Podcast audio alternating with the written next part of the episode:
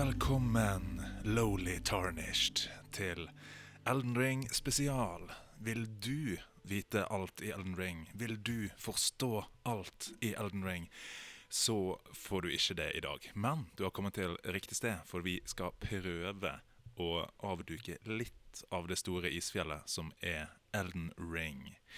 Og det er med meg, Martin Herfjord, og med meg så har jeg Kjetil Austeindal, eller Kjaus. Kjaus. Yes. Først så kan vi bare snakke om hvem er vi. Jeg er da Martin, Master Balls på Discord. Har vært med i eh, Crossover Gaming før. Um, driver og studerer til å bli lektor. Og er litt sånn hobbymusiker, så jeg har laga jingler. Uh, blant annet litt til, uh, til Crossover Gaming, men òg til Level Up og Nerdelandslaget. Hvem er du, Kjetil? Jeg eh, bor i Bergen eh, og har eh, spilt dataspill så lenge jeg kan huske, omtrent. Um, og har Ja. Kan på en måte dele inn epoken i livet mitt eh, litt etter hvilke spill jeg har spilt.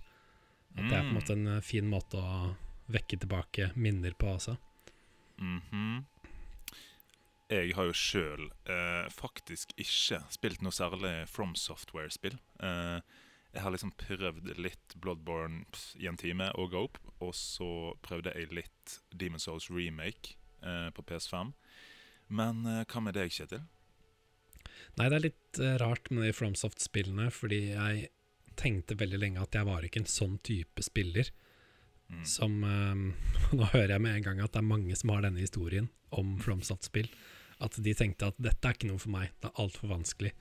Det er sånn utilgivelig, du mister alt uh, med en gang du dør, og så hvis du ikke finner tingene dine igjen, så er de borte for alltid. Uh, men mm. så, ja, så ble jeg mer og mer nysgjerrig, da, og tenkte Det var en periode jeg ikke spilte så mye mens jeg studerte. Merkelig nok så begynte jeg å spille enda mer etter jeg begynte å jobbe. Mm. så jeg spilte ikke så mye i studietiden. Og da oppdaga jeg Dark Souls 1 på Steam. Tenkte jeg får nå prøve, da. Altså, det var på tilbud, det kosta 100 kroner eller noe sånt, så det skader jo ikke å prøve. Og så husker jeg jo bare at det var helt sånn kaos i starten. Det var ingenting som ga mening. Det var, det var, ikke, noe, det var ikke noe UI, det var ikke noe kart, det var ikke noe Quest-logg. Det var på en måte et rollespill helt uten regler, virka det som. Eller iallfall uten veiledning. Mm. Eh, Så jeg hadde aldri sett noe sånn på den måten. Men likevel så ga det meg, selv om jeg var fryktelig frustrert, så ga det meg en sånn intens trang til å bare fortsette å lete og utforske, prøve og feile. Selv om jeg døde mot på måte, den dårligste fienden kanskje 20 ganger, så Mm. var det verdt å fortsette det. Og det ble på en måte starten på et uh, nytt kapittel i min uh, spillhistorie. Ja. Jeg tror det må ha vært rundt 2014 eller 2015 at jeg begynte på Dark Souls. Det kom vel i 2011, hvis jeg ikke Ja. husker helt feil. Høres riktig ut. Ja, jeg har jo på en måte Jeg tenkte jo sånn der Nei, de spillene Alle sier det er så vanskelig. Og jeg har alltid vært en sånn kosegamer som alltid har hatt gaming som en sånn eh, leisure på, på fritiden. Sånn rec Ja. recreation, liksom. Eh, og sånn Vil jeg bruke tiden min på å dø? Eh, nei. Men eh, så kom Miyazaki med The Elden Ring. Eh, og jeg har jo blitt frelst. Det her er jo min nye religion. Altså, Du har blitt frelst. jeg har blitt frelst. Og eh, det er det som er litt gøy her, at eh, det har virkelig fått meg eh, så nysgjerrig til at jeg har lyst til å utforske hele historien. Og Lauren til eh, Elden Ring. Ehm, det, den viser det jo veldig lite i begynnelsen. Som en eh, perfekt start på en flørt, egentlig. Den er sånn Mm. viser deg kanskje litt kløft, og så må du liksom finne ut litt hud. Og så har jeg bare ja, lyst til å se hele kroppen, holdt jeg på å si. Jeg har bare um, dykka ned i dette. Og um, jeg har jo spilt det i 150 timer, hatt tre characters. Eh, begynte med en Mm. eh, magic eh, build med intellect, eh, og så um, runda det med den. Og så brukte jeg en Dexterity Blood eh, Arcane build på karakter 2. Og så var jeg på en måte klar for eh, Jeg var klar for hard mode, så da har jeg begynt på en strength eh, pure strength-karakter. Raw brutality. Oh yes. Eh, hva med deg, da, i Elden Ring? Det, jeg kan jo starte med det her eh, de første dagene i Elden Ring. Eh, jeg husker jo det at eh, spillet kommer ut på en fredag, tror jeg. Og så visste jeg det at jeg skulle dra til Oslo rett over den helga. Så jeg tenkte er det å bli i Oslo en uke uten PC, eller uh, uten PS5, da. Um, og så tenkte jeg er det vits i å starte og spille det i to dager, og så ikke få spilt på en uke? Mm. Uh, så jeg bestemte meg for å gjøre det. Så begynte jeg bare så smått de to dagene å utforske litt og sånn, og da husker jeg møtte på deg inne i spillet. Uh, og da følte jeg at jeg var sånn litt sånn um, sensei. Eh, og du spurte åssen er det det funker med sånn frontsoft igjen. eh, hvilken knapp er det jeg gjør det? Og, altså, du hadde masse sånne nybegynnerspørsmål. Da tenkte jeg nå kan jeg vise deg veien inn i denne verden. Og så fikk jeg starta litt, og du fikk starta litt, og så kom jeg tilbake etter en uke. Og da bare møtte jeg din karakter igjen, og så bare Ja, for du Så har jo hadde ikke du gjort annet den uka enn å spille Elden Ring. Så jeg var jo bare totalt eh, noob i forhold til deg etter den eh, uka hvor jeg hadde vært borte. Og da var det du, Mm. definitivt du som var sensei og kunne lære meg alt om, eh, om Elden Ring. Ja, for du har jo faktisk andre mennesker du må passe på, som i en liten kid. Eh, Ja, det Mens eh, jeg har jo bare en master som eh, Jeg er jo ma master of skippertak, AS, så Og den, Master of Dog. Ja. Is it a dog? Uh, så jeg uh, kunne styre tiden sjøl, det vil si uh, Ellen Ring. Ja. Nei, så Det er jo litt kult med forskjellen på vår gjennomspilling, for jeg har jo hva skal jeg si, lagt litt fokus på Lauren og, og historien og bakgrunnen. For det, jeg er jo veldig sånn Jeg elsker fantasy. Jeg har jo lest George R. R. Martin, jeg har lest Wheel of Time, Ringenes herre, Brandon Sanderson. Jeg har lest veldig mye fantasy, så det traff en sånn samme følelsen i meg da, som disse her store Mm. eposene. Som er sånn Dette vil jeg utforske. Mens du hadde litt mer fokus på liksom å, å, å komme gjennom og klare spillet, på en måte. Ja, jeg har vært Det er generelt i alle FromSoft-spillene at jeg begynner helt i starten, altså helt blindt, uten noen guides, bare fomler rundt og utforsker og eksperimenterer. Og så kommer det til et punkt der jeg blir så sur på spillet, og sur på alle fiendene, og får en litt sånn her um, fannivoldsk holdning da, til hele, hele denne verden. At da bare tar jeg og liksom graver dypt i verktøykassa, som heter internett, Eh, Mm. og så finner jeg ut hvor fælt går det an å breake dette spillet. Uh, altså denne bossen her Jeg skal ikke bare cheese denne bossen. Jeg skal, jeg skal sitte oppi et tre med ryggen til mens jeg kaster noen sånne der, uh, giftbomber bak meg, så jeg ikke trenger å se på bossen engang når jeg cheeser han. Ja. Uh, det kan vi komme tilbake seinere, hvor det tror jeg ma mange som har holdt en um, lang avstand ifra Fromsot-spill Jeg tror ikke de skjønner hvor lett disse spill, lette disse spillene kan være, hvis du bare er feig nok. Ja, ja, ja. For det fins jo. Ja, det fins jo cheese. eh, Det er altså da å em, slå en boss på en um, lite um, ferdighetskrevende måte. Mm. Ja. For eksempel med å sitte oppi et tre og kaste ting på bossen til uh, hen dør. Ja. Ah, Litt sånn der eh, hevn mot Miyazaki, på en måte. Sånn Ja. eh, ja, ja. Så du fikk meg gjennom dette skipet, nå skal jeg være skip sjøl her, liksom. Så. Da var det du som sa det derre You tried to break our souls, but we broke your game. ja. Ikke Dead Souls, men Broken Souls, faktisk. Broken souls. Ja, det, er, det er for meg en eh, sandkasse. Og Ja. Elden Ring er jo enda mer sandkasse enn alle andre spillene har vært. Valgmulighetene er så uendelige. eh, og bare det at det går an å spille spillet på så mange forskjellige måter. Du kan gå Mm. helt inn i rollespillet. Du kan leve 100% i, um, i Lands Between og ikke sjekke internett i det hele tatt.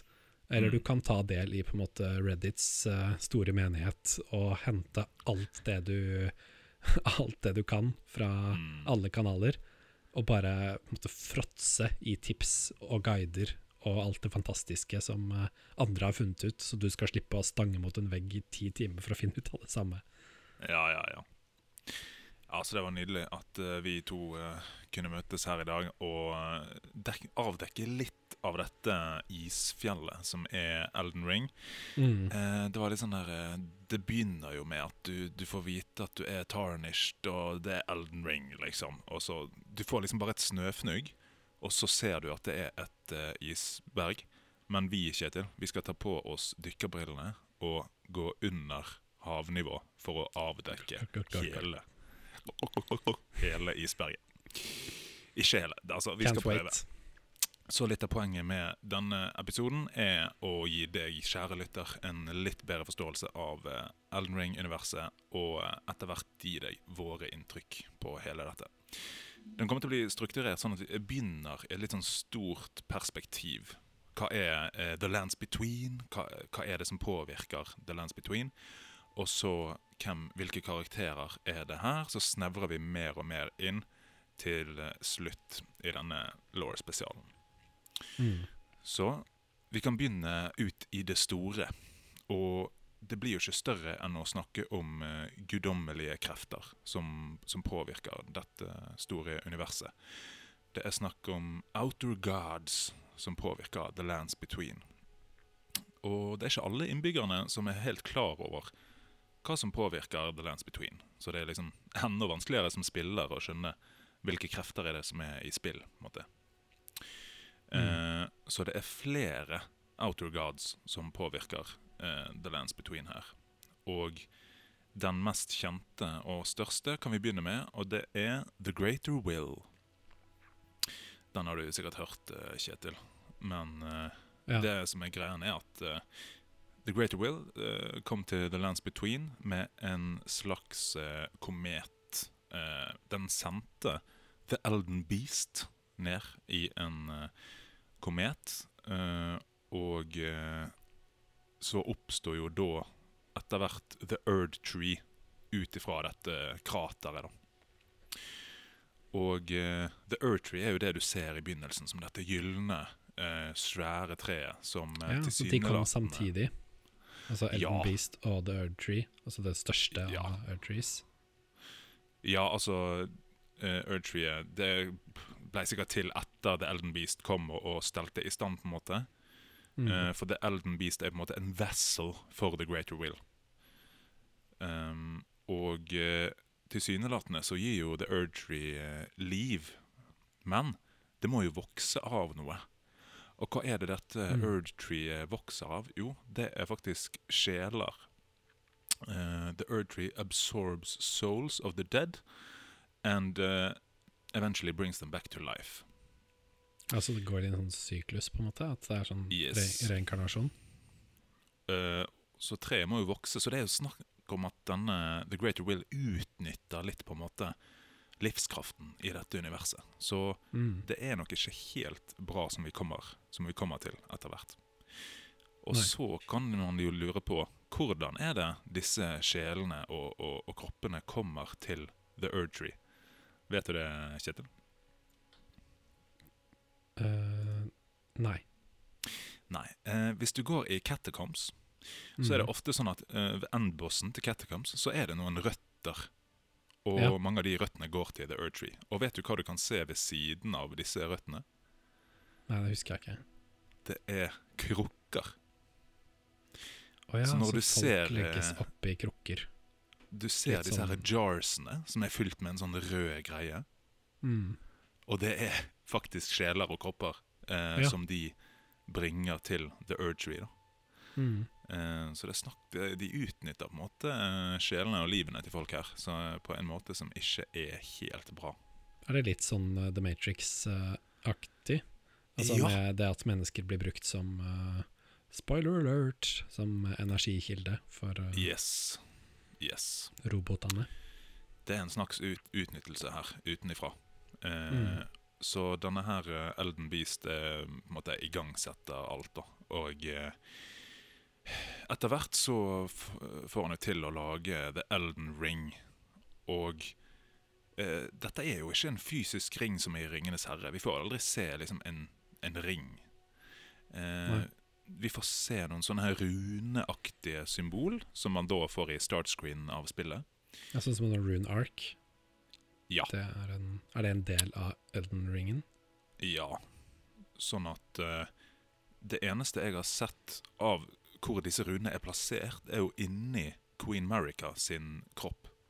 Mm. Uh, når du kommer til siste bossen, så ser du uh, at det er inni kroppen. Så den ble på en måte lagd inni Marica, da.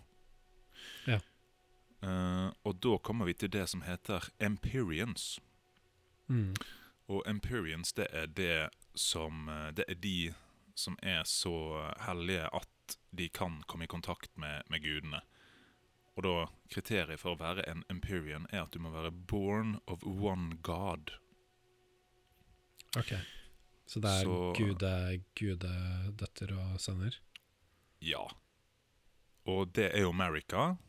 Hun er noe som heter Numen, som er en rase som òg kommer utenifra uh, The Lands Between. da. Så The Elden Beast lager The Elden Ring inni Marica. Og grunnen til at det heter Elden Ring, er jo at det er noen sånne runer som Det de gjør, er at de iverksetter de fysiske lovene til The Lands Between. Mm. Eh, det de sørger for, er ja, noen dør, eh, også de fysiske reglene. Eh, du har noe vekk, noe vokser, og ja, litt sånn tyngdekraft. Og det påvirker liksom hele det, det fysiske lovverket, da. Ehm, så er det de mest kjente Imperians til The Greater Will, er jo America. Men så etter hvert så kommer Radagon. Mm. Og noe som etter hvert eh, kjennetegner Imperians, er at de har en shadow. Og det kommer i form av en ulv. Mm. Eh, Kan du huske noe om America sin shadow? Ja, er det den du møter i biblioteket der? Det er Radagon sin uh, Det er Radagon. Ja, den der sin Red Ninetales-aktige Mm, Ja, Red Fox. Fox of Radagon. mm. Fordi Radagon er inne i Academy fordi han uh, var forelska i Renala. Men det Ja. kommer vi til seinere. er. Marica sin ulv, det er jo først han du møter som Grunk Beast Clergyman. Ja, Som viser seg å Stemmer. være Malikath, som du fighter med i, uh, i Phase 2. oppe i drage... eh, ja, den svevende, svevende stedet. Jeg husker ikke akkurat Mm. hva det heter, men vi Det der er Farum Asula. Farum Asula, yes. Ja. Så America er en Empyrean med en shadow. Um, Mm. Og Radagon viser det seg etter hvert er Empyrean òg. Og The Greater Will påvirker jo disse, for de er i Ja. kontakt. Og Radagon spesielt blir brukt av The Greater Will for å opprettholde den her Golden Order. Golden Order, hva, hva er det? The Golden Order kommer vi til etter hvert, men det er jo på en måte hele dette eh, systemet og religionen som, som America iverksetter, da. Mm. Du har jo alle disse Church of America, og det hun har klart å få til, er jo at alle på en måte innordner seg under det som OK, vi har Erdtree, det er bra, eh, og eh, ja, det ser bra ut på, på utsiden, da. Ja. Um, og Radagon blir beskrevet som veldig trofast til The Golden Order. da. Eh, etter hvert så kan du få sånne valgmuligheter med Melina, som er hun her eh, rosahårete jenten du møter i begynnelsen. Er hun med øye? Yes. Etter hvert så kan du få opp eh, valgmuligheter der hun forteller om Echoes of America, det America har sagt. Mm. Så America sier på et tidspunkt Oh, Radagon, leal hound of the Golden Order. Eh, sånn at Yes, Radagon er veldig trofast til The Golden Order, da. Så vi kan ta litt mer utgangspunkt i America. Hun får barn, Mm. og det her blir beskrevet som The Golden Lineage. Ja, så herkomsten til uh, Yes. Marika. Og det er barn først, så får hun barn med Godfrey. mm. Så Godfrey er den som blir beskrevet som Han, han kaller seg sjøl The First Elden Lord. Ja, han husker jeg, han møter du rett før uh, Rett eh, før siste base. Rett før siste boss, ja. Mm. Da han har jo på en måte denne her Capital. Denne løvebrutaliteten i seg. Så han blir jo kalt Horolu Warrior Ja. før han blir sammen med America og blir til Godfrey. da Han kaller seg Mm. sjøl Godfrey, da. Uh, Horolu, er det, er det det som betyr løve? nei, Horolu er jo på en måte hans navn før han blir Godfrey. da Mm. Så eh, når han blir sammen med America som Elden Lord, så blir han Godfrey, på en måte. Ja, stemmer. Og eh, de får jo barn. De får Godwin, The Golden. The Golden Mm. Boy. Han ser du så å si ikke i spillet. Han eh, blir jo drept eh, før Men det er ikke han kommer du slåss mot som er sånn gullaktig i eh, Jo, han har jo en øks. Du, du slåss mot, mot eh, en sånn refleksjon av han, men eh, Ja. du får på en måte ikke møte han. Og der er det litt Ja. sånn eh, interessant navnegreier, er det ikke det? Med at alle, Jo, jo. alle heter noe på G. Yes. Det her ser du jo George R. R. Martin sin innflytelse, da. Mm. Eh, som veldig historisk riktig, sånn som i middelalderen, så blei barn eh, på en måte oppkalt etter de som eh, var i makt og hadde populære navn. Så det var liksom mange som begynte på samme bokstav og hadde veldig like navn. da. Og det kan man se litt i, i Game of Thrones òg. Eh, Mm. Du har liksom Tywin eh, Lannister som har Tyrion Lannister, og, og så videre og så videre. Mm. Så det er jo litt morsomt at det er navn på G, R og M. ja, tenkte akkurat på det. Men han sier sjøl at det er tilfeldig, da. Mm. Han, eh, jeg Så- leste hans tilsvar på veldig mange fans sin eh, påstand om at han har kalt opp alle karakterene etter, eh, etter sine egne initialer. Og da fikk jeg, han var litt sånn krast tilsvar tilbake. Nei, det stemmer mm. ikke. Nei. Det kan være noe sånn oversettelse fra japansk inn i bildet her òg, som vi ikke er helt uh, klar over. Men, uh, Ja. For det er jo både Martin og Miyazaki som har samarbeida om Mm. denne verden her. Jeg syns jo Eh. jevnt over um, Nå har jeg bare lest to av bøkene i Song of Ice and Fire, men sett TV-serien. Men jeg syns jevnt over at det å gi navn til personer og byer er han veldig god på. Ja. Så det er både Winterfell, Kings Landing Det er veldig, det er veldig sånn De sitter, da, disse navnene. Mm. Altså, Targaryen. kom, ja, ja, Targaryen. Altså, når jeg kom inn i Elton Elden Ring for første gang, og så står det Limgrave, Mm. så tenkte jeg det, det er så fint. Ja, ja, ja.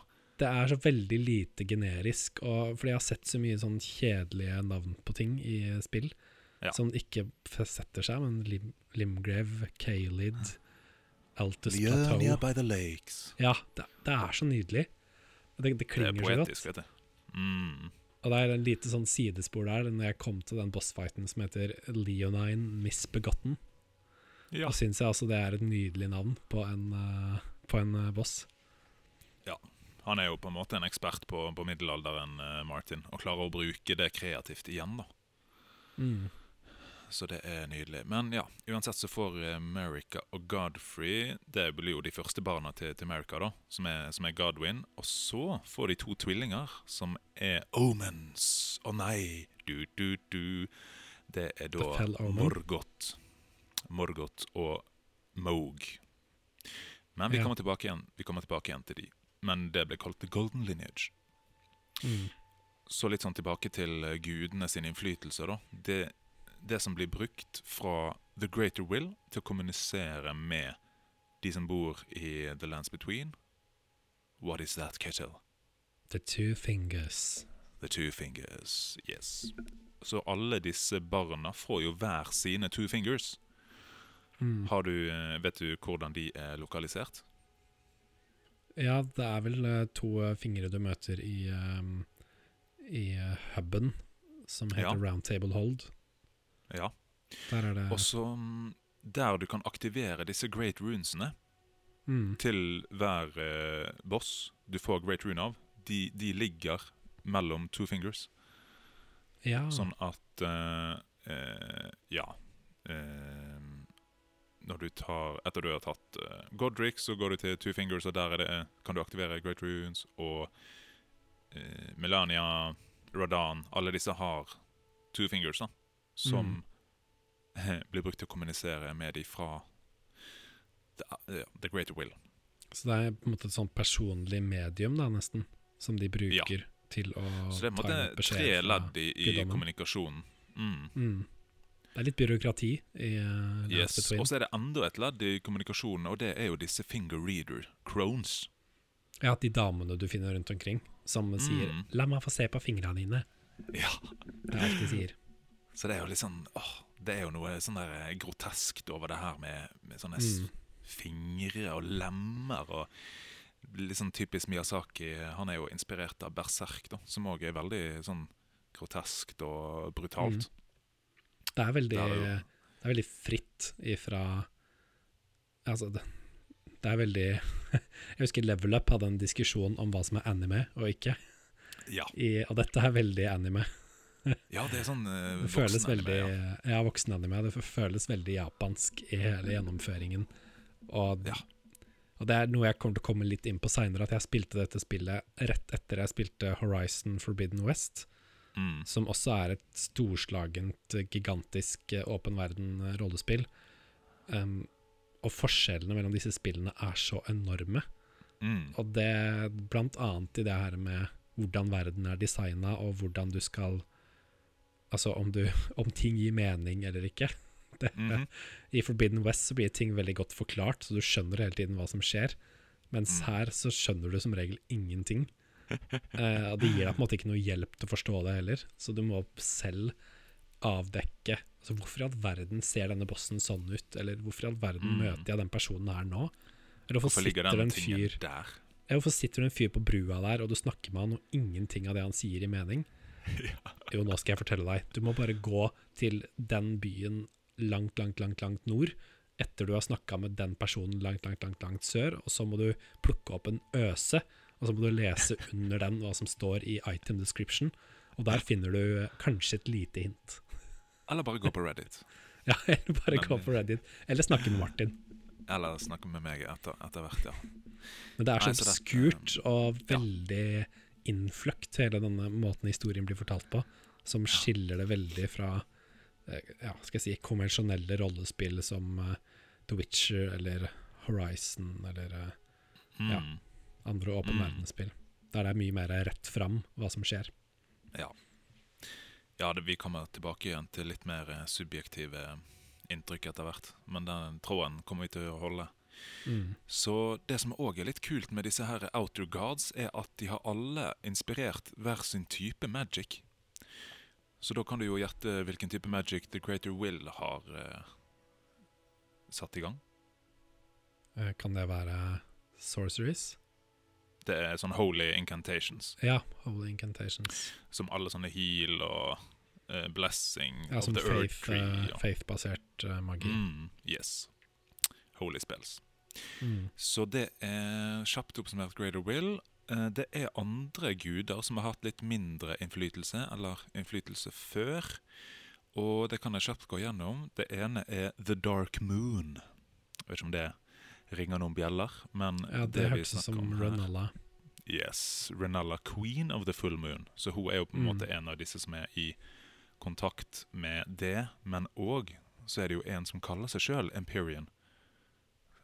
Eh, og det er Rennie. Ja, det er hun du tar en sånn lang questline for. Hun med Yes. fire armer. Yes, hun blir jo brukt i traileren. Hun her er blå med, med hatt, holdt jeg på å si. Og kanskje du kan kjenne igjen hennes eh, shadow. Altså hesten hennes.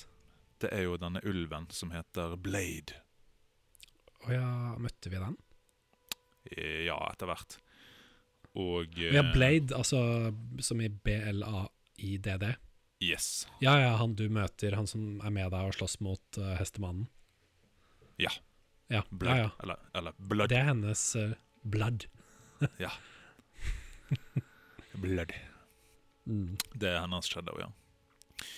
Og uh, den type magi som The, The Dark Moon har uh, lagt i stand på dette universet, er jo både Glimtstone-magi fra, fra stjernene, og så er det sånn som gravity-magi, eh, også alt som har med sånn stars og moon å gjøre. Du har jo flere sånne full moon eh, magic. Mm.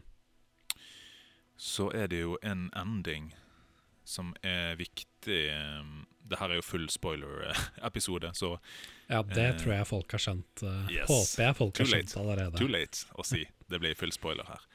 Ja. Men jeg vil si den beste endingen du kan få, er jo med Hvis du har fullført Rennie, så kan du summone henne på, på slutten. Og da får du Age of Stars. Mm. Og det den gjør, er jo å frigjøre seg fra The Great Will.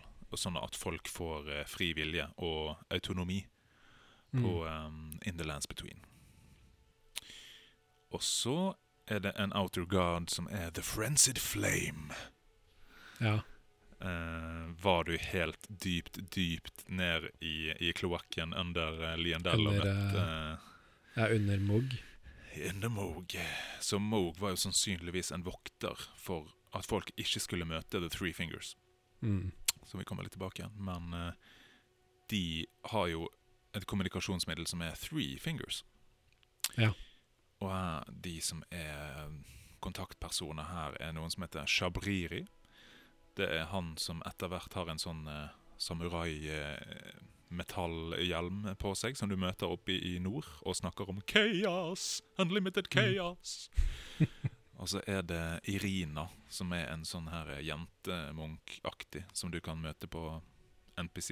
Og du må vel Ja, du må vel bruke henne for å komme til The Frenzied Flame, tror jeg. Du, ja, det blir Ja, iallfall mer logisk. var, jeg, jeg fikk iallfall den endingen, husker jeg. Eh, og den typen magi som The Frenzied Flame har skapt på jorden, er madness magic. Det er jo noen Ja. incantations som handler om uh, madness. Mm. Og det er en ganske dark ending til uh, The Frenzied Flame. Det sies jo Hun Melina med rosa hår igjen blir jo veldig sint hvis du Ja. kommer i kontakt med The Frenzied Flame. Og hun sier jo blant annet at uh, The Lord of Frenzied Flame is no lord at all when the land they preside over is lifeless. Så her snakker vi om chaos og ja, burn it all. Mm. Some people just want to watch the world burn, Bruce Wayne. Var det akkurat den stemmeskuespilleren som hadde ja. og så er det en uh, gud, og det er God of Scarlet Rot. Eh, Den Mm. har liksom ikke noe navn som vi får vite. Men, også kjent eh, som roten til alt ondt? The Scarlet Rot of all evil. Det Oh, kommer vi tilbake til. Yes. Men eh, den influerer jo blant annet Malenia. Ja. Det er jo hun Ja, den vanskeligste bossen i spillet, sier mange. Um, som er da barn av America og Radagon, Mm. sannsynligvis. Eh, så hun blir jo på en måte født med Scarlet Rot, og det er jo noe som er bare sånn dekadens. Det bare ødelegger alt det kommer i kontakt med. Det ødelegger jo Radan innenfra. Eh, og av det som skjer i The Shattering, kommer vi tilbake igjen, så er det jo ett landområde som har fått kjørt seg av The Scarlet Rot. Vet ikke om du husker Kaled. det? Kaled, ja. Kaled er jo bare Mm. rødt og swamps av uh, rot og ødelagt etter uh, Malenia og Redan sin uh, battle. Når man kommer dit i Jeg så en sånn eh, guide på YouTube av hvordan man skulle finne et veldig bra våpen tidlig. Og da, når du kommer til Kelid, så står det, har de bare klippa inn Hell isteden. Ja! This is hell. Yes. Eh, så de har jo Det er rett og mye- Det er rett og kjipt. Det er ikke så mye magic som handler om Scarlet Rot, men det er jo en statuseffekt som eh, er veldig kjip Mm. å få. Det er bare sånn Ja ja, du får mindre og mindre liv. Ha det bra. Du dør. Det er som en veldig, veldig veldig hissig poison. Ja. Uncurable, liksom. OK. Uh, vi begynner å nærme oss uh, slutten uh, av gudene. Det er noe som heter The Formless Mother. Og hun blir kalt of God of Blood. Mm. Det er jo én av disse tvillingene som kommer i kontakt med henne eh, og lager sin egen dynasty. Vet du hvem det er? Eh, Åh, nei. Hvem var det igjen? Det er Moog. Ja, ja men var ikke han Du nevnte Moog i stad også? At han var uh... Han er et omen. Ja. Og uh, hun her, Formless Mother, embracer jo omens, fordi Ja, jeg kan ta det. Omen er jo beskrevet som en birth defect. Så de Mm. som blir født som Omen, de har sånne horn på seg. Altså som Margit. Morgoth og eh, Moog er jo de mest kjente Omens. Men så har du òg han derre blacksmithen i huben som heter Hugh. Ja. Og uh, The Dung Eater. Uh, det kommer vi tilbake igjen. Uh, men Morgoth er på en måte flau over å være Omen, for det har en ganske brutal historie. Mm. Vanlige middelklassefolk som blir født som omens, de blir kutta av hornene på etter fødsel. Så de fleste av de dør av det. Men hvis du er royal blood, så gjett hvor du blir gjemt bort da. I uh, hovedstaden. Yes. I Langdale. Spesifikt i kloakken til hovedstaden. Uh, Ja. det, det er derfor du kan se Noen av de kraftigste fiendene der er jo omens, som har sånne Mm. horn og, og ligner på, på Morgoth og Moog. Eh, Ja. Så det er på en måte en sånn birth defect, kaller jo kaller de det. Men det jo Det betyr at du har en annen type blod, da. Og det er det Mm. Moog embracer jo dette. Han er jo liksom lord of blood og skal bygge sitt eget dynasty. Ja. Um, og eh, noe han gjør, er jo at mens Malenia fighter Redan i denne Mhm. store battlen, så stjeler Moog Mikella Ja. fordi Mikella skal redde den her Scarlett Scarlet Rotten som ødelegger Malenia. Han vil kurere Malenia. Så han lager sitt eget Ur-tree. Eh, Dette er Mhm. Hallig Tree, som han fôrer med sitt eget Ja. blod. Ja, ja. Uh, og for å gjøre det så går han inn i en eh, kokong inne i treet. Mm. Og som Malenia sier hun er 'Blade of Mikkela', så hun beskytter han. Mikkela får vi aldri se. Vi får bare se at han er inni den der eh, kokongen som eh, Mm. Moog tar blod fra. Da. Eh, men dette er òg barn av Marika og Radagon. Så de er tvillinger da, som er begge cursed fra fødselen. Malenia fikk jo Scarlet Rot, og Mikkela er født til å være for evig ung. Mm. Men eh, Moog stjeler Mikkela i sin kokong, da. Og litt av eh, målet til Moog er å gjøre Mikkela til en sånn her Empyrean for The Formless Mother. Sånn at Moog Ja. kan bli Elden Lord. Mm. Eh, noe som er fascinerende med Mikkela, er at han er ekstremt smart, så han klarer å lage unalloyed gold to ward off influence from outer gods. Eller en slags sånn her eh, tinfoil hat. Ja. Så han, han klarer jo på en måte å forlenge livet til Malenia, da. Mm. Med, med å, å, å liksom uh, sette på vent denne her Scarlet Rot-prosessen. Mm. Og det er jo òg et side, side, sidequest du kan gjøre uh, med en sidekarakter eh, Nå har jeg glemt navnet på hun, som vi gjorde i går. Men um, Det var- Det var Varre, og så var det ja, vi kan komme Ja. tilbake igjen til det. hun, hun dama som uh, Ja. ja. Hun du møter i Church of Plague. Mm. Og The Formless Mother har jo da laget sånn at det kan være blood magic på, på dette her eh, stedet. da. Du har jo sånn Mm. Swarm of Flies og Sword of Blood og alt mulig. Millicent er Eh, det. Millicent, thank you. Og så har du den uh, kraften som kanskje uh, The Greater Will frykter mest, og det er The God of Eternal Flame. Mm. Kan det ringe noen bjeller i forhold til hvor den ligger? Det må vel være ved mm, det store Forge. Ja. Det er som smeden bor. Yes, og eh, det her er Fire Giant som beskytter, eh, beskytter denne Eternal Flamen. da. Mm. Og litt av greia er at denne flammen aldri dør ut, så vi kommer Nei. tilbake igjen til det. Men eh, de prøvde jo å, å få bort denne flammen sånn at den aldri kunne brenne The Urgy, Mm. men eh, de klarte ikke det. Så det, de, det America gjorde, var jo å, å curse den her eh, Fire Gianten til bare OK, da får du bare pusle på med den ilden din i, i all evighet, da. Mm. Um, Litt sånn at sånn der uh, Sisyfos uh, Stein, Ja. nesten. må det- gjemme de borte opp i nord, da, sånn at de aldri Mm. kommer til uh, The Earth Tree. Eh, og det er her jeg har en teori på hvem som er på en måte Empyrean her, da, i kontakt med denne guden. Og det er rosahårede Melina. Ja. Mm. Hun sitt mål er jo på en måte å, å bruke denne flammen til å brenne Erdtree. Og når du ser på henne, så har hun burn marks. Mm. Uh, og hun sier jo at hun uh, Ja, hun har en uh, et oppdrag fra sin mor inside the Erdtree. Så hun er, Mm. vi kommer litt tilbake igjen til hvorfor America vil gjøre dette her. Men Ja. Melina er nok i kontakt med The Eternal Flame.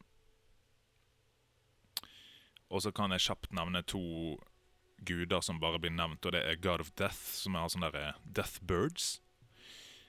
Og um, det er derfor det er Death Magic.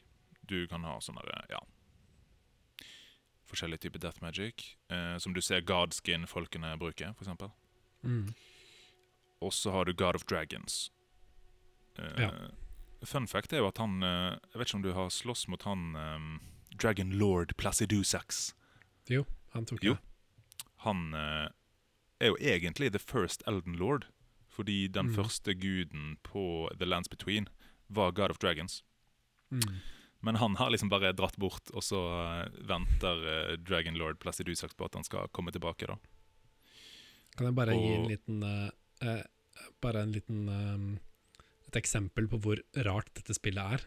For å finne den bossen, så må du da hoppe ned et sted der det ser ut som er et stup. Og der er det en plattform som du Jeg tror det er veldig vanskelig å få øye på den hvis du ikke vet at den er der. Og så må du hoppe ned på masse masse sånne plattformer som henger i løse lufta, til du kommer til en Det ser ut som en sånn slags arena som er i tusen biter, som er knust utover eh, Som bare Alle plattformene henger i løse lufta. Og der er det masse graver med folk som det ligger på en måte ett lik, eller en slags sånn mumie i hver grav. Ja. Men så er det eller sånn åpen, åpen grav, da. Og så er det én grav der det ikke ligger noen. Eh, Og hva skjer hvis du går og legger deg i den graven? Jo, da forvandles alle disse ødelagte plattformene til en kjempestor arena, og Dragonlord Placidusax dukker opp. Ja. Og det er, jeg bare tenker sånn Det er det jeg blir sånn Jeg må smile når jeg kommer på Altså Tenk å være den første som oppdaga at der var det en boss, og så kunne du fortelle internett om det. Ja, ja, ja. Ja, du har sånne ting. Og så har du jo hele Helligtree-området. Som er Ja. sånn at uh, du må finne en gjemt medaljong. Mm. Og så må du skjønne at denne skal du bruke der. Som en Mm. hemmelig option. Du må liksom uh, Du må ikke trykke på liksom use medaljen. Du må skjønne at å ja, du må trykke høyre pil, sånn at du kan bruke secret medaljen. Secret. Og så kommer du til et sånn der gudeflatt sted der det bare Og det er den der snøstormen. Du skjønner ikke hvor du skal. Og så må du finne en hemmelig by. Og så inni den hemmelige byen må du skjønne at du må inn i en annen verden der og finne noen flammer. Og Og så ble skutt må av du gærne folk med pil og bue. Og usynlige assassins. Og så må du til et sånt sted der det er masse sånne usynlige greier. Komme deg gjennom der. Og så det, det er så mange steg som er sånn derre Hvordan skal man finne ut av dette? Det er helt sykt. av seg sjøl, og så kommer du til Hellig Tree, og bare der er det jo vanskelig å finne eh, Malenia, liksom. Hmm, det er et gigantisk tre med greiner der du må hoppe fra grein til grein, og du blir angrepet av, eh, av sånne skydotter med basuner som driver og skyter eh, noter Ja. på deg, eller hva det er. Altså, De det- skyter altså, musikk på deg. Du må, du må jobbe og utforske så mye for å finne noe av det mest episke i hele spillet, liksom. Det er bare Ja. wow, the balls til å gjøre det. Og litt av derfor jeg elsker, eh, litt av derfor jeg elsker det. Ja. Ok, takk kjære lytter for at du holder ut. Det her var jo liksom gudene, da. Nå begynner vi å nærme oss og snevre oss litt ned til, eh, til sjølve folkene her. Eh, bare kjapt før vi snakker om The Shattering, så, så er det en del ting som skjer før det. Og det er jo at Queen Merica hun utøver The Greater Will og lager denne Mm. Golden Order. Så det hun gjør, er jo på en måte å dysse ned disse andre gudene, sånn at The Greater Will får større innflytelse, Erdtree får større innflytelse. Ja. Så noe av det hun gjør, er jo at hun går til krig mot disse her eh, Flame Giants. Og det er jo Godfrey Haralow som er mektig nok til å, til å slåss mot disse giants. Som hun skjønner at hun kan ikke slukke den flammen. Den er eternal, liksom. Så derfor curser hun de til å være der oppe i nord eh, for evig, da. Mm. Og så eh, er det jo ting som skjer mot denne her Dark Moon-bevegelsen.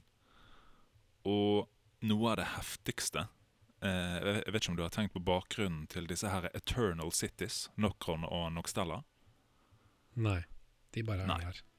Fordi der bor det noen folk som heter Nox. Det er de som har sånne her, eh, white robes og rir på maur og sånn der. Ja, det er veldig rart. rir på store maur. Men disse Eternal Citiesene var jo oppe før.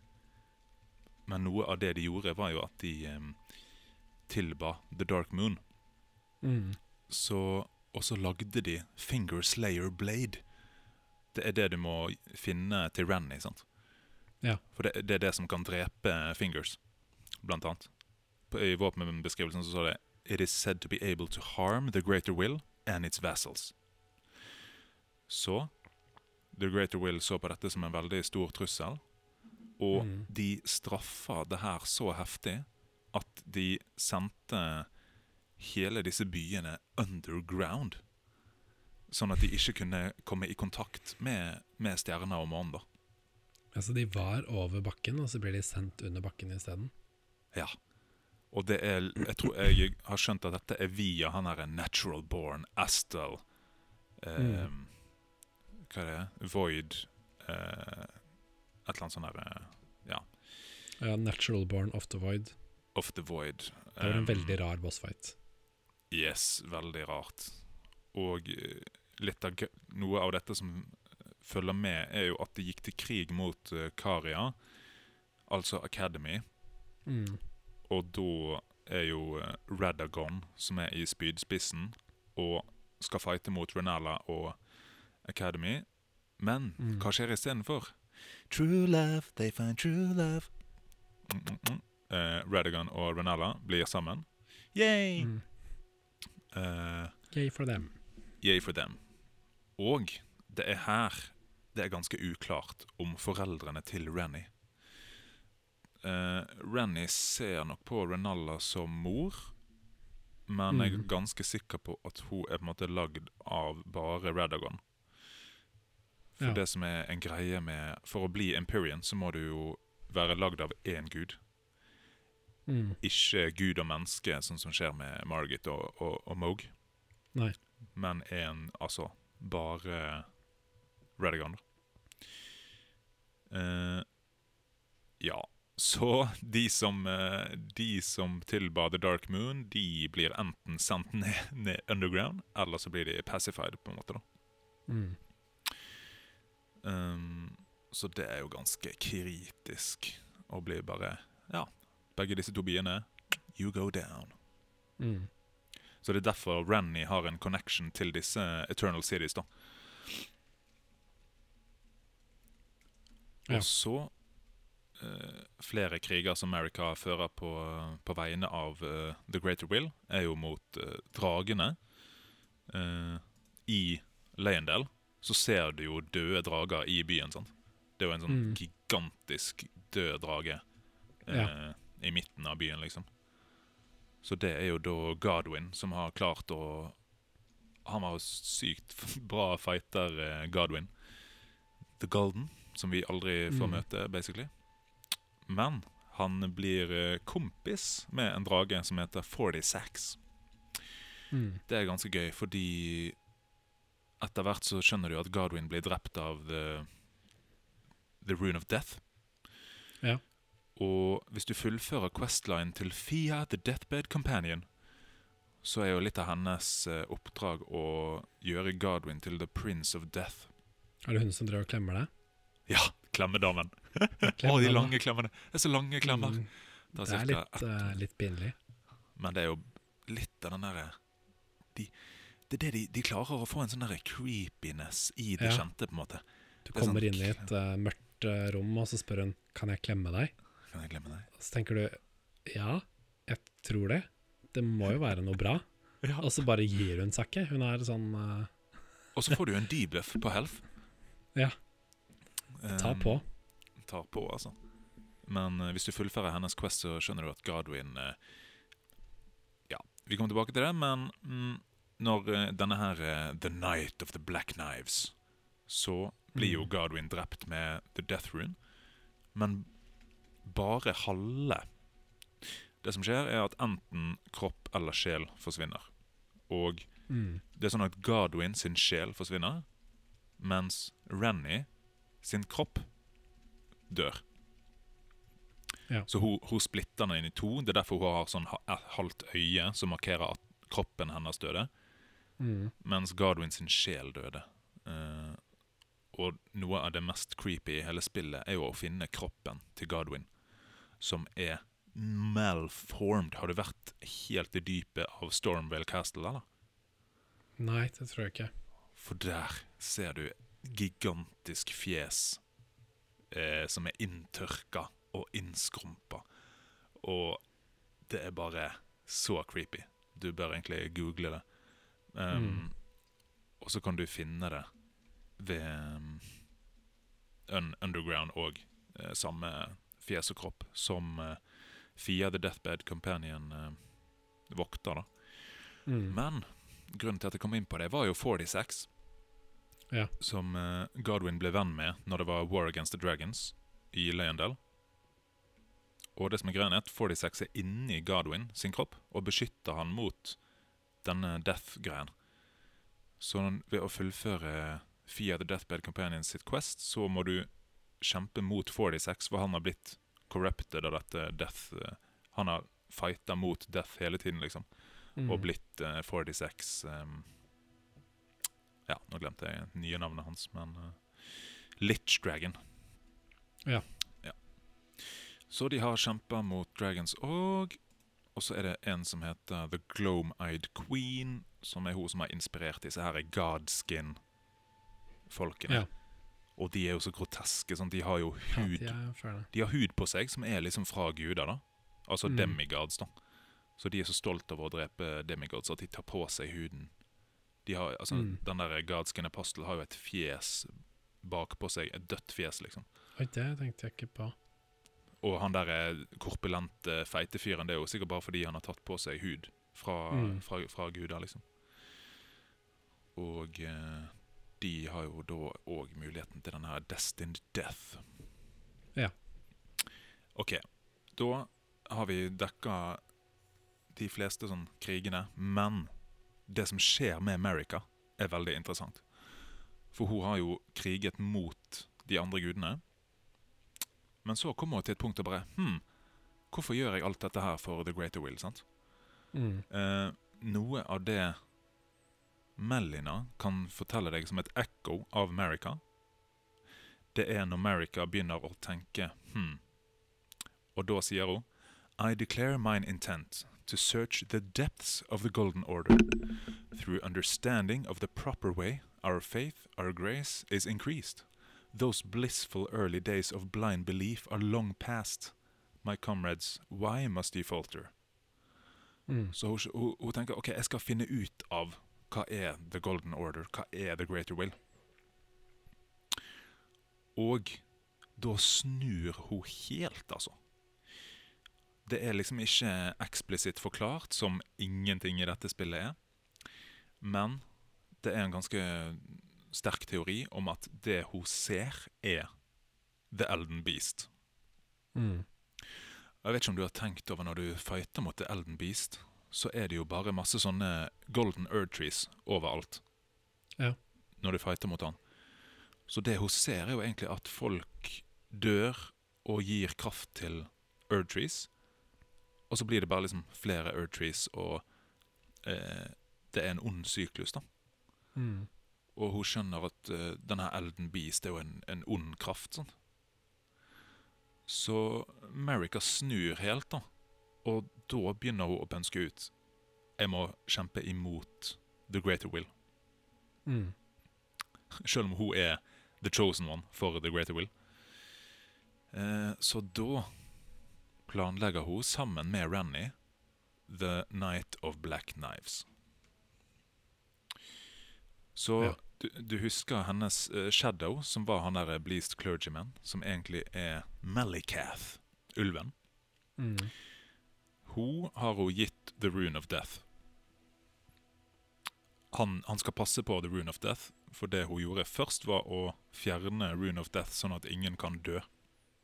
Mm. Hun, ville, hun ville sikkert ikke dø. Hun ville ikke at barna skulle dø. Um, og det som både America og Rennie skjønner, er at de må kjempe imot denne her uh, Greater Will. Og da skjønner de at de kan bruke The Rune of Death til å gjøre det her, da.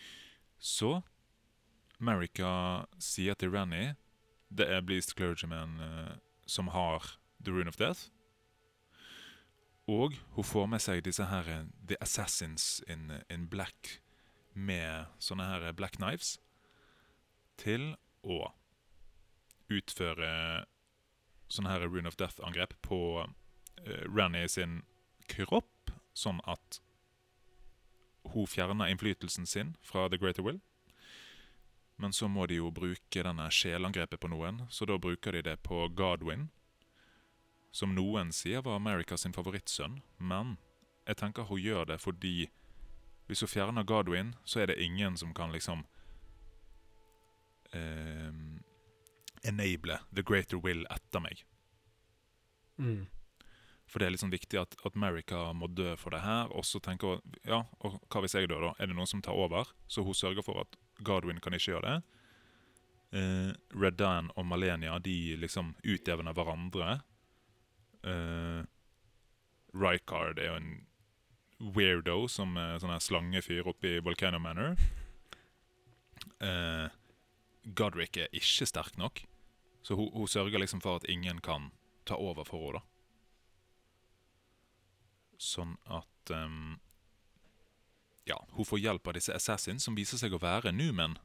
Og der det står at de, de var i Numen er en eh, rase. Som America er, og det står faktisk at vi som Tarnished er descendant of Newman. Mm. Eh, og jeg vet ikke om du har lagt merke til når du begynner bossfighten med Marika og Radagon, så har hun en Så ser du jo på en måte først eh, Marika sin kropp henge på et slags eh, fiktivt kors. Hun, Ja. hun ser jo ut som om hun er crucified, men da ser du at hun har blondt hår. Det er bare kroppen til Marika. Eh, og så ser du en rød torne i siden som stikker inn i henne. Har du sett det? Nei, det tenkte jeg ikke på. Det er en teori om at uh, hun har latt seg sjøl drepe av disse her uh, Black Assassins, sånn at hun skal fjerne innflytelsen fra The Greater Will. da. Mm. Sånn at det egentlig er bare Radagon igjen. Det er derfor du bare slåss mot Radagon. For de er vel egentlig sam de er samme person. Yes.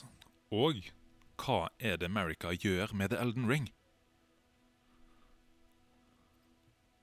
Vet ikke. She breaks it. Ja, ja, The Shattering. The Shattering. Ja.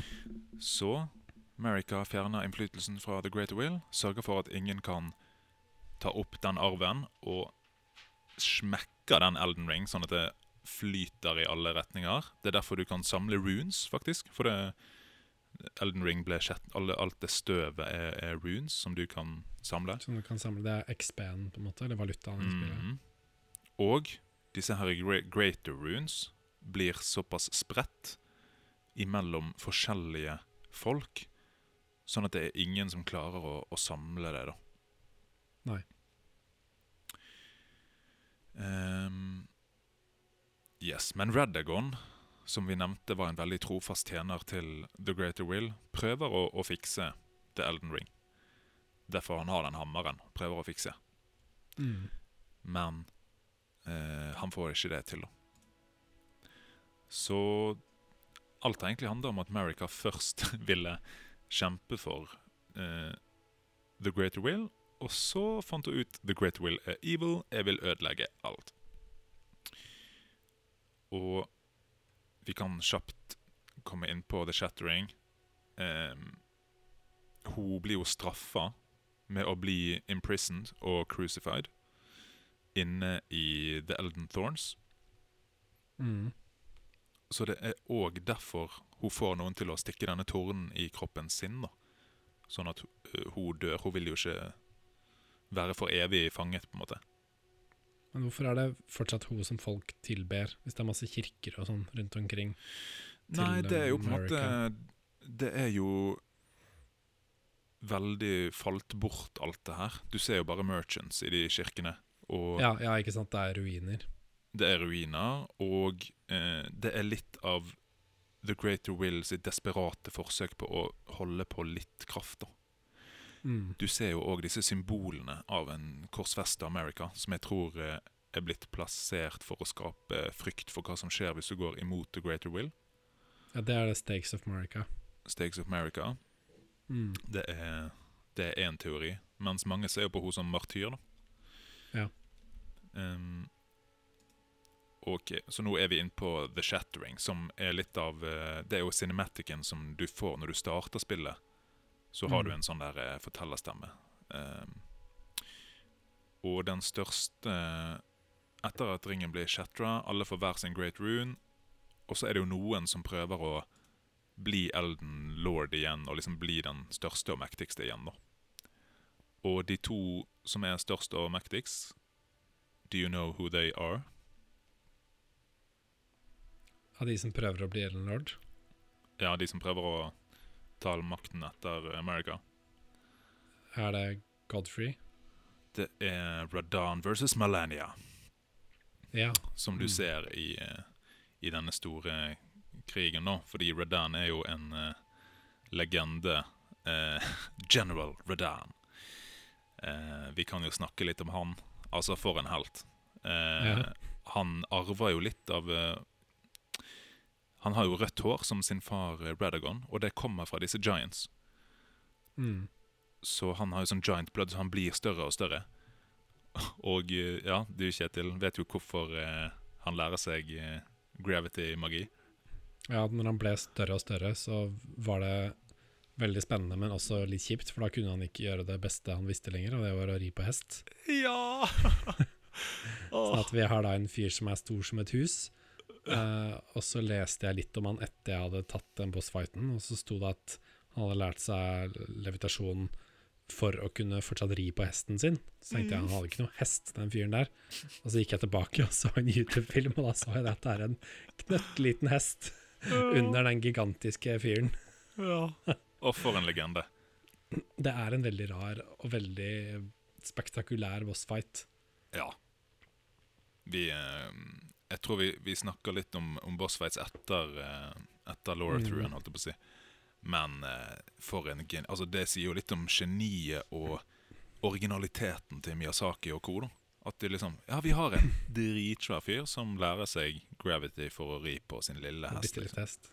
Ja, Det er nydelig. det er veldig Og de, de bossfightene her er så rare at de overgår alt jeg har sett i Altså, det, det nærmeste jeg kommer, er jo en annen eh, japansk skrue, og det er Resident Evil-spillene.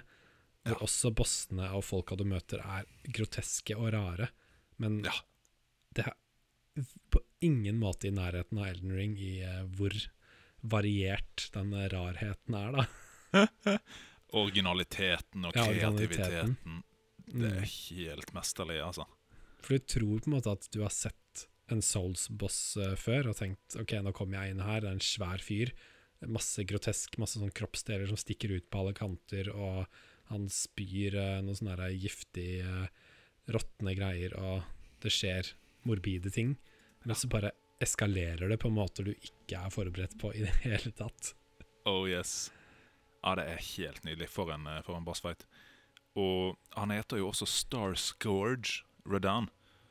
Fordi han eh, ble jo sendt til, eh, til Academy for å lære seg eh, gravity magic. Og han blir jo så god at han klarer å holde tilbake stjerner og, og kometer. Det er derfor han klarer å, Og litt av dette handler om å, å minimalisere påvirkning fra andre outer gods enn Greater Will. Ja. Og det er jo derfor når du dreper han, så kommer det en komet eh, ned og åpner til Eternal City. da. Mm. Sånn at han eh, er jo helt han, Altså, han, han klarer å fighte uavgjort mot Malenia mens han holder tilbake igjen syke krefter, liksom. Mm. Så det er jo veldig trist. Når du, når du fighter mot han, så har han jo blitt smitta av Scarlet Rot fra Malenia, og det er sånn, han driver jo og spiser friend og foe utpå der, liksom. Ja, han har blitt uh, temmelig um, ødelagt. Men han blir aldri så gal at han svikter hesten sin. Altså, Nei. den hesten er MVP. Han skal ikke spise hesten. Nei. ah, yes. Så nå kan vi snakke litt om uh, disse great runesene, hvor de ender opp, og områdene. Vi kan jo Mm. begynne med Limgrave. For et nydelig startområde. Jeg fikk Ja. skikkelig Breath of the Wild-følelse når jeg eh, begynte Ja, i eh, de, The First eh, Step. det er så frodig og fargerikt og ja, og åpent. Mm. Og du føler virkelig at det er um, Du kan gå akkurat hvor du vil. Mhm. Og hvis du, det er en ting du ikke klarer, uh, en boss, eller du på en måte møter en vegg i spillet, så er det alltid et eller annet annet du kan gjøre. Mhm. Det er Eh, en sånn f Følelsen av åpen verden i det spillet her er Det er mye sterkere enn noe jeg har prøvd før. Ja, og wow- wow-øyeblikkene som kommer når du Ja, ja, skjønner ja. hvert sted du kommer til. bare Og ikke min, Vi kommer jo til Journey of the Lakes, men det er så mange wow-øyeblikk her. Mm. Um, men her. Yes. Her ligger jo da uh, Stormbay Castle, som uh, lord Godric uh, passer på sin eh, Great Rune. Lord Godric the Grafted. Mm. Den nasty MF-en der, altså. Han driver jo da og eh, måte bruker kroppsdeler fra andre til å gjøre seg sjøl sterkere. Ja, så han er en sånn eh, Ja. Han minner om en boss i, eh, i The Last of Us, som jeg trodde var eh, den verste bossen. Mm. Men som jeg, En av de verste bossene jeg har sett før, men det var før jeg spilte Ellen Ring. ja. Altså, men det, det her det er så herlig liksom satire fra Miyazaki på de med makt som, som misbruker makt. Og så, Mm. gjør det så usympatisk og, og så feil. da. Som Godric er et bilde på. Sånn, Godric the Grafted. Han er jo ikke i slekt Han er bare en sånn femmenning. Han er bare sånn derre En overlever av Godfrey sin slekt. Så alle ser jo Mm. ned på han, da. For han har ikke de guddommelige styrkene, så han grafter til seg makt. da. Mm. Og alle i slottet hater jo han. Han er så deilig, han NPC-en du møter først i Stormray Castle. Og Ja. når du, når du tar Når du ender opp med å ta Godric, så bare står han og tramper ned liket i gjørme, liksom. Kontinuerlig. Og du ser hvor bitte liten han egentlig er. Ja. Han er bare Ja, det- en gammel mann som ligger Yes. i søla. Yes. Så han har en uh, great rune. Det er veldig interessant. Du møter jo på Margit her. Mm. Det får vi jo vite er Morgoth. The Mm. Omen King. Men her får du bare se Margit the Fellow Omen. Mm. Og jeg tror Morgoth skjønner at Godric er ikke sterk nok til å beskytte det her, liksom.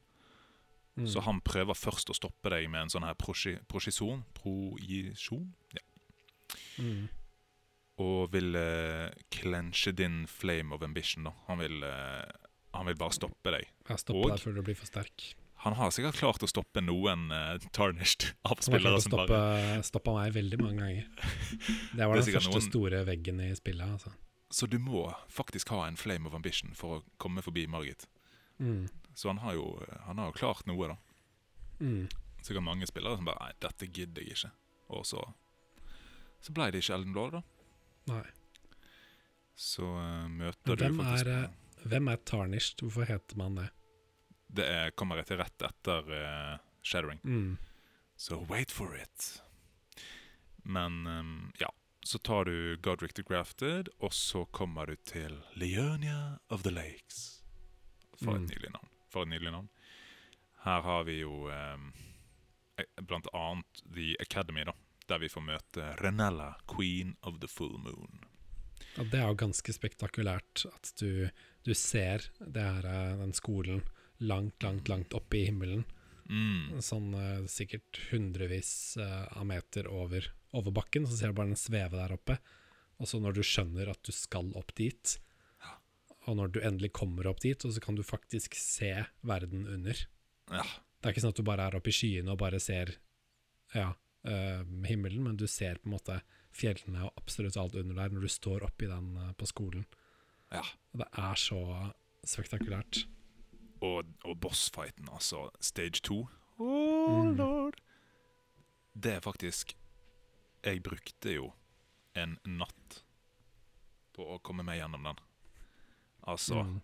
jeg, jeg døde eh, i hvert fall 100 ganger. Kanskje 200 ganger. Mm. Men det var fordi jeg, jeg hadde strength-build i begynnelsen. Ja. Og jeg var på en måte for treig til å både dodge og angripe henne. Mm. Så det var derfor jeg brukte så sykt mange forsøk.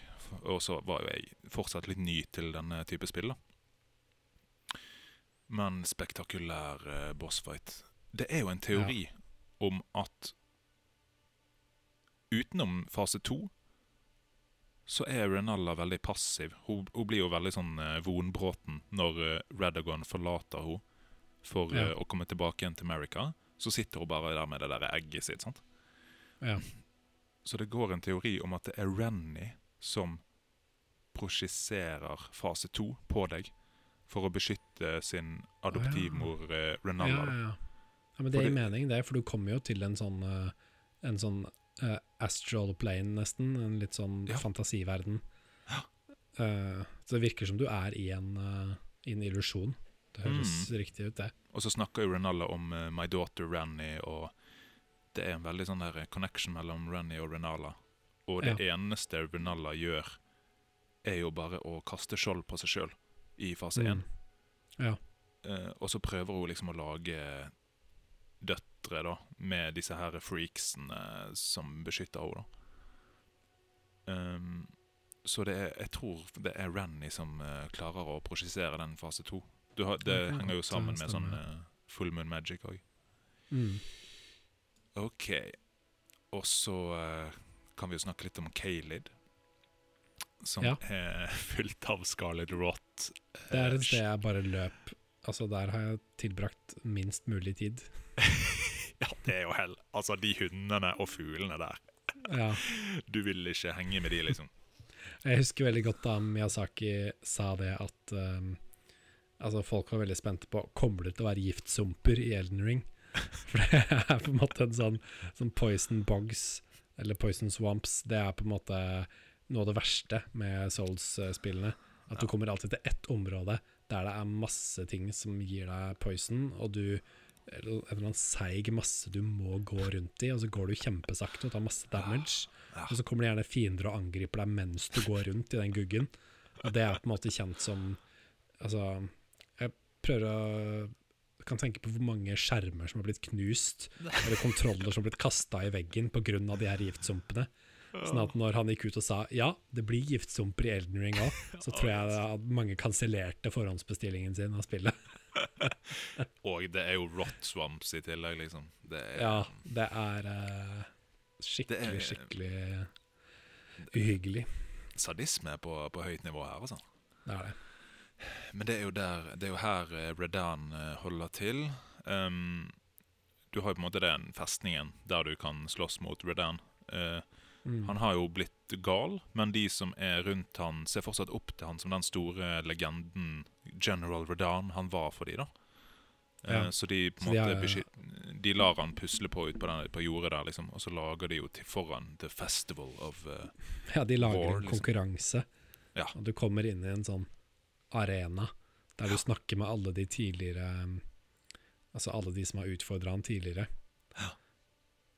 Ja, Og det kommer du vel også til etter du har um, Altså ja, Når du kommer ut på slagmarken, så fin, kommer det en haug av sånne summon signs, mm, og du kan få Nesten alle du har møtt i spillet til nå, kan Ja. bli med deg ut på den store slagmarken, så du blir på en måte en liten hær mot, -hmm. uh, mot han her svære fyren, og de dør jo som fluer med en gang du summoner dem. Og det beste Det beste Har du, har du summona um, Har du summona Jar Alexander. Ja, han, men også uh, Hva heter han som er med i flere Soul-spill? Patches. Patches! Har du Ja. Patches i den fighten? Ja. For han, han dukker opp, og så med en gang han kommer, så står det "Tar- eh, 'Patches left this world'. Han bare han, Du kan summone han, og så ser han seg rundt, og så bare 'Patches left this world'. Du må aldri stole på patches. Det er én ting du skal lære av Soul-spill, så er det det. Ja, det er nydelig. Så Og så det etter at du har tatt den her, den her um, storslagne bossfighten, så kan du løpe over den der store åpne plassen der hvor eh, du har slåss mot han, og så inn i en hule. Og så ned der så finner du på en måte spøkelsene fra alle de som har utfordra han opp gjennom uh, tiden. Ja. Så finner en haug av sånne spectral uh, nights uh, som ja, er liksom bitre, bitre over at de ikke klarte å slå han. da. Det er nydelig. Han uh, er jo legende. Han er jo General Redan. Det er jo derfor de hedrer han etter han er blitt eh, Mm. gal, liksom. Jeg glemte jo å nevne litt sånn her eh, slektstre, da, men Redan og Renny og, og Rykard er jo da barn av eh, Radagon. Ja. Ehm, og så har du eh, Malenia og Mikkela, eh, som er barn av Merica og Radigan. Når de er på en måte fused. Kommer litt eh, tilbake igjen til det. Men eh, han har iallfall en eh, great rune. Og eh, etter du har tatt The Great Lift, så kommer du opp til Alters Plateau. Og Mhm. inn i den vakre, vakre hovedstaden Leyendale. Og den som har great rune her, er jo Morgoth. Uh, Ja, nå, på slutten av hovedstaden. nå blir du jo kjent med han som Morgoth the Gracegiven, uh, The Omen King. Han er liksom den ene trofaste som har blitt igjen og beskytta hovedstaden, beskytta Erdtree. Mm. Så når, når du møter han, så snakker jo han til disse her tronene med Ja, The det er en traitors. kul eh, scene. Willful traitors all. Mm. The, Prodigy Twins, Melania Mikla, Ranny, Rycard Eh, sånn at um, Ja. Han Mm. er bitter, men Og han ble jo gjemt ned i Han ble jo gjemt ned i kloakken pga. han var Omen. Ja. Så han og, og Moog har jo vært på en måte gjemt ned i sånne celler. Det er derfor du kan finne Shackle of Morgoth, og så kan du finne Shackle of Moog. Ja, Som, du kan, fikk som du kan hjelpe i bossfight. Mm. Så han har blitt Han har blitt stua ned i kloakken. Men fortsatt vil han hjelpe, da. Han blir igjen og er trofast, liksom. Mm. Så han er sikkert ekstra bitter på de andre som bare stakk, liksom. ødela alt. Og uh, fase to i hans bossfight er jo at han endelig embracer sitt blod. da. Det er da han tar fram sånne blood sword og begynner med blood eh, Mm. magic og sånn. Uh, når han endelig embracer sin omen, da, som Moog hele tiden har gjort. Uh, yes. Og så har du jo Mount Gelmir òg i, i Altos Plateau. Og der eh, holder jo Rykard the Blasphemous Praetor Rykard the Blasphemous i eh, Mm. Volcano Manor. Vet du hva en uh, Prytard er? Jeg er ikke eh, hva, var det du sa det stedet het? Volcano Manor? Ja, ja, ja. For jeg tror Praetor er en sånn lovoppholder fra Romerriket. Pra ja, Praetor. Mm. Praetor, ja. Praetor Rykard. Og han har jo blitt så maktgal at han har latt en slange konsumere han. En sånn her gigamektig slange. Men eh, Det er veldig, så en veldig forstyrrende bossfight, det også. En veldig disturbing bossfight. Og det, Det minner meg litt funker- om den, eh, den første Harry Potter-filmen. eh, Ja. Hvor det var litt sånn forstyrrende å se Voldemort, sp eh, spoiler alert igjen, eh, i bakhuet til han uh, Quirrell. Uh, Ja. Bare se for deg at det her har skjedd, bare at det er en gedigen slange isteden. Han har liksom Mm. har fått innprenta hele trynet sitt i den slangen, og så ser det på en måte like teit ut som Uh, spesialeffektene fra 2001, da den første Harry Potter-filmen kom, og det er meninga at det skal se teit ut. Ja, ja, ja. ja så, så Rykard er jo òg eh, eh, barn av, av Radagon og har en great rune. Men eh, Mm. han er jo da blasphemous, for han òg velger å gå imot the greater will.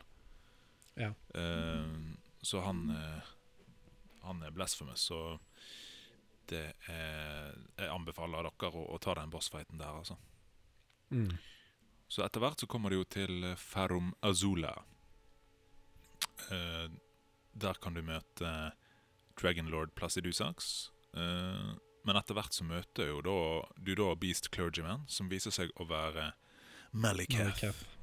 som har uh, The Rune of Death. Disse andre rune, Great Runesene har liksom ikke noe særlig navn, men de er på en måte alle en del av å, å bygge The Elden Ring. da. Mm. Mens The, Great, The Rune of Death har jo en veldig tydelig funksjon. Og det var derfor America tok den bort for å bli udødelig. Ja. Men brukte for å, for å drepe igjen, da.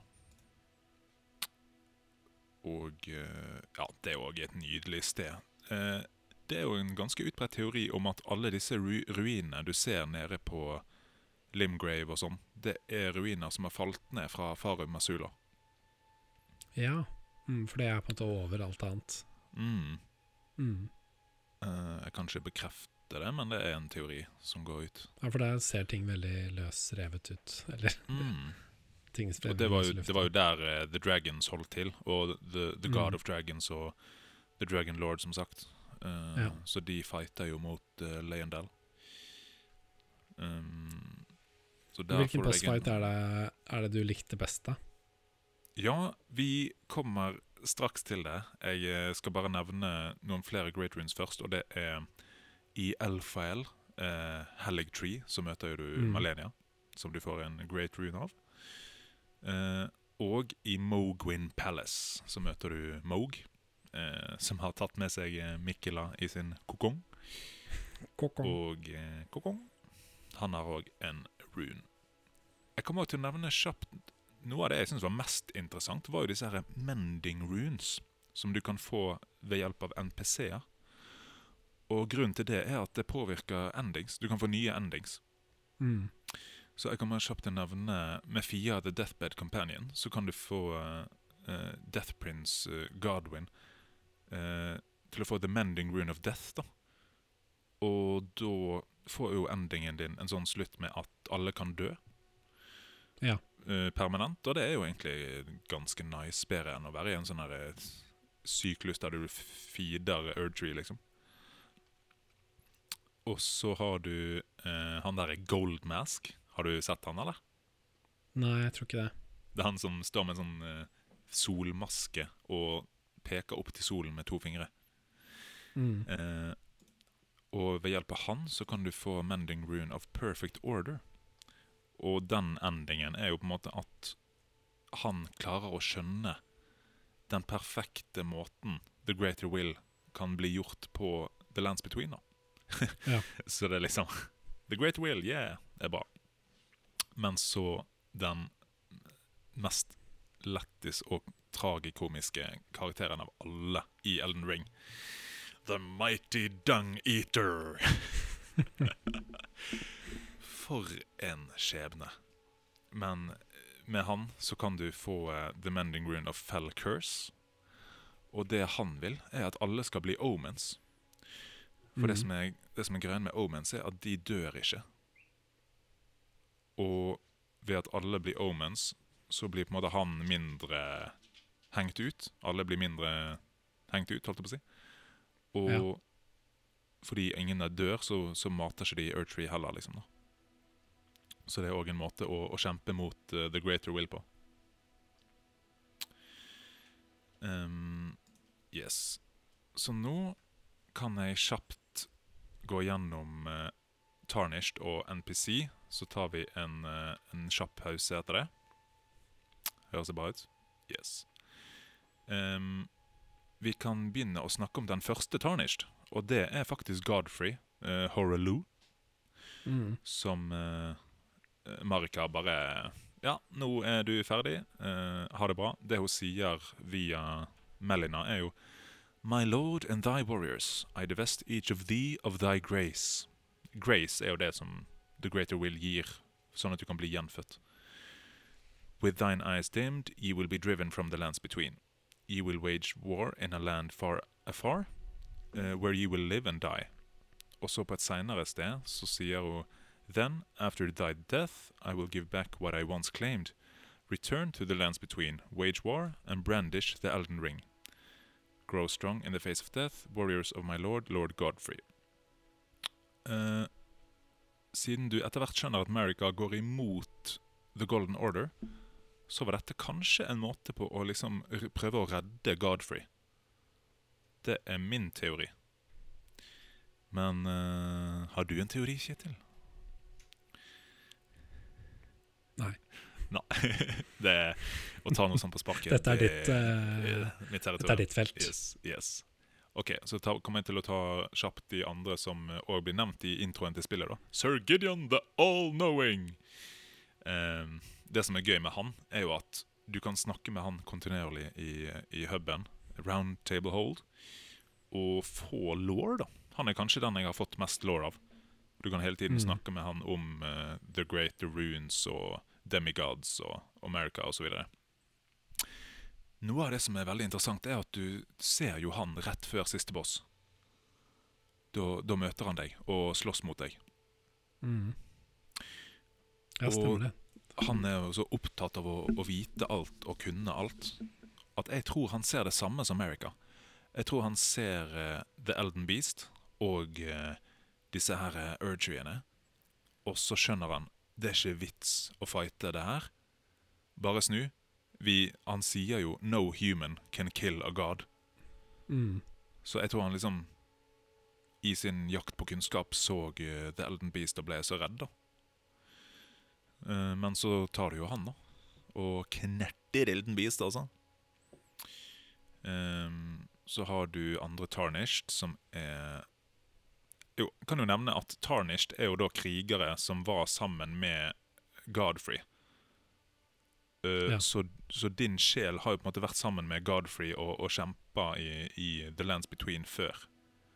Og så er du gjenfødt. Og det som er grunnen til at The Tarnished kommer inn i bildet, er at The Greater Will blir så desperat etter at America har knust Elden Ring. Og Mm. The Great Runes er, er spredt overalt, sant? Så introen sier jo at sånn, at det er opp til deg å samle The Great Runes and become the Elden Lord. Så det her er litt sånn der eh, The Greater Will bare uh, Demigods, uh, hjelp meg, liksom. Uh, OK, i bunnen i bunnen av søppelbøtten så ligger det noen sånne tarnished Post-It-lapper liksom, som bare «Øh, 'Jeg trenger litt hjelp'. Du er Mm. liksom last resort, desperate effort fra The Greater Will til å få tilbake igjen storheten i Elden Ring. da. Mm. Så det er derfor du blir liksom invitert tilbake igjen til The Lands Between. Uh, andre Tarnished er Bernal. Det er han som har Warmasters Shack. Ja. Og så er det Patches. Altså, Jeg har jo ikke spilt noen andre FromSoft-spill, men hva er Patches i de andre spillene, liksom? En dust. En dust? Ja, kort oppsummert. Han, Det er det han, han, han, Han er en, deg, eh, liksom. han er en lømmel. En lømmel. Mm. Ok, det er greit. Så har du han der um, ulven, Vargram the Raging, eller Bloody Wolf, som hjelper deg mot uh, Redan. Mm. Og så har du Fia the Deathbed Companion. Hun har veldig spesiell evne. Hun kan på en måte ligge ved siden av folk og hjelpe de til å komme til eh, et eller annet sånn Land of Death eller noe sånt. Så hun Mm. vil jo få Godwin til å bli the Prince of Death. Så har du han Goldmask, som jeg nevnte tidligere, som du kan finne The Perfect Order med. Og så må vi snakke litt om Dung Eater, fordi han er så spesiell. Eh, ah, du finner jo han eh, Altså, du kan møte på en måte sjelen hans i Roundtable Hold. Men så finner du på en måte kroppen hans i, nede i eh, kloakken under Liendella Og Ja. eh, greien med han er at han vil desperat Han vil være en omen. Han, han har blitt eh, helt gal, men han, han vil være en omen. Sånn som Morgoth og Moog, da. Um, for du, hvis du ser på rustningen hans, så ser den veldig klumpete ut. Men det er avkuttede horn. Ja, som han har limt på seg. Nei, jeg tror han hadde masse av de hornene før, og så er det folk For han har jo blitt hengt. Men greiene er at Omens kan ikke dø. Men istedenfor Mm. så har han lidd så mye at uh, folk har prøvd å kutte av de hornene og, og alt mulig. da. Ja. Men hans, hans store oppdrag er å gjøre alle til Omens, og det gjør han med deathbed curse. Så de, han dreper folk, og så, ved sånn deathbed curse, så gjør han det sånn at når de blir gjenfødt, så blir de til Omens. Mm. Og han vil jo at dette skal spre seg sånn at alle til slutt blir Omens. da. Og jeg tror liksom ikke spillet sier om han spiser faktisk døgn. Det virker som det er et rykte han har. The Dung Eater. Ja. Ja. Um, så bare må jeg nevne Iron Fist Alexander, The Warrior Jar. Som er, Det er en rar veldig- karakter. det er en veldig rar karakter. Så han har jo mange sånne souls oppi seg, da, som er warrior souls. Uh, Det er rett og slett en snakkende krukke. fullt av sjeler, liksom, som eh, vil bli en Mm. stor kriger. Um, så ja, ganske nasty at vanlige krukker bringer liksom sjel og kropp til Erdtree, men han skal bli en warrior uh, jar, da. Og så til slutt Good for him. Good for him. Til slutt så er det du, Tarnished, som er en tidligere kriger med Godfrey, da, som uh, desperat blir kalt tilbake. Hva var det din Tarnished het, forresten, Kjetil? Gudrun. Gudrun the Mighty Gudrun. Gudrun. Kall Forge the Elden Ring. Jeg har en greie med å kalle opp spillkarakterer etter besteforeldrene mine. Ja. Så da er det mye Gudrun og Åsulv som er mine to, Jeg, eh, to av mine besteforeldre. jeg har gått for mitt uh, alter ego Ståle og uh, Satoshi, som faktisk er det japanske navnet til Ash, Hudson, altså Ash Ketchum. Ja. Uh, men uansett Det som Marika klarer, er jo at Melina, denne ro rosahårede datteren av Marika, Mm. klarer jo å finne deg og guide deg til å hjelpe henne til å brenne Erdtree. Ja. Så dette er på en måte America sin plan. At alt er knust, alt er spredt. Da er det opp til noen å, å brenne treet. Mm. Så det var en heftig law-bolk. Takk for at du har holdt ut, eh, Kjetil. Bare Setter hyggelig. pris på alle Har du noen eh, Har du noen eh, ting du fikk spørsmål om underveis? Holdt jeg på å si, eller? Nei, jeg, altså, jeg fikk mange spørsmål underveis. Det er veldig mye jeg ikke har fått med her. Men ja. uh, som jeg sa, så er ikke dette den delen av spillet jeg har gått inn for å lære så mye om. For Nei. det har vært så mye annet å sette seg inn i. Ja. Uh, som igjen bekrefter det at det er veldig mange måter å spille Elden Ring eller Souls-spill på. Mm. Man kan dykke ned i historien, eh, eller man kan dykke ned i alle mulige andre ting. I gameplay, mekanikker og hemmeligheter og ja, synergier og Eller multiplayer, eller Ja, det er så mange ting man kan fordype seg i, da. Jeg bare Ja. Jeg, eh, jeg elsker liksom å Noe gjør meg nysgjerrig på noe, og så bare elsker jeg å finne ut av ting. Og jeg Mm. elsker at jeg veldig subtilt lagt fram. Men jeg hadde ikke hatt sjans uten Reddit og YouTube, altså. Så det Nei, Å finne ut av alt dette på egen hånd. Det Nei, nei, nei, det er umulig. Men da tar vi oss en uh, liten pause, og så kommer vi tilbake igjen til uh, personlige eh, opplevelser. Yes.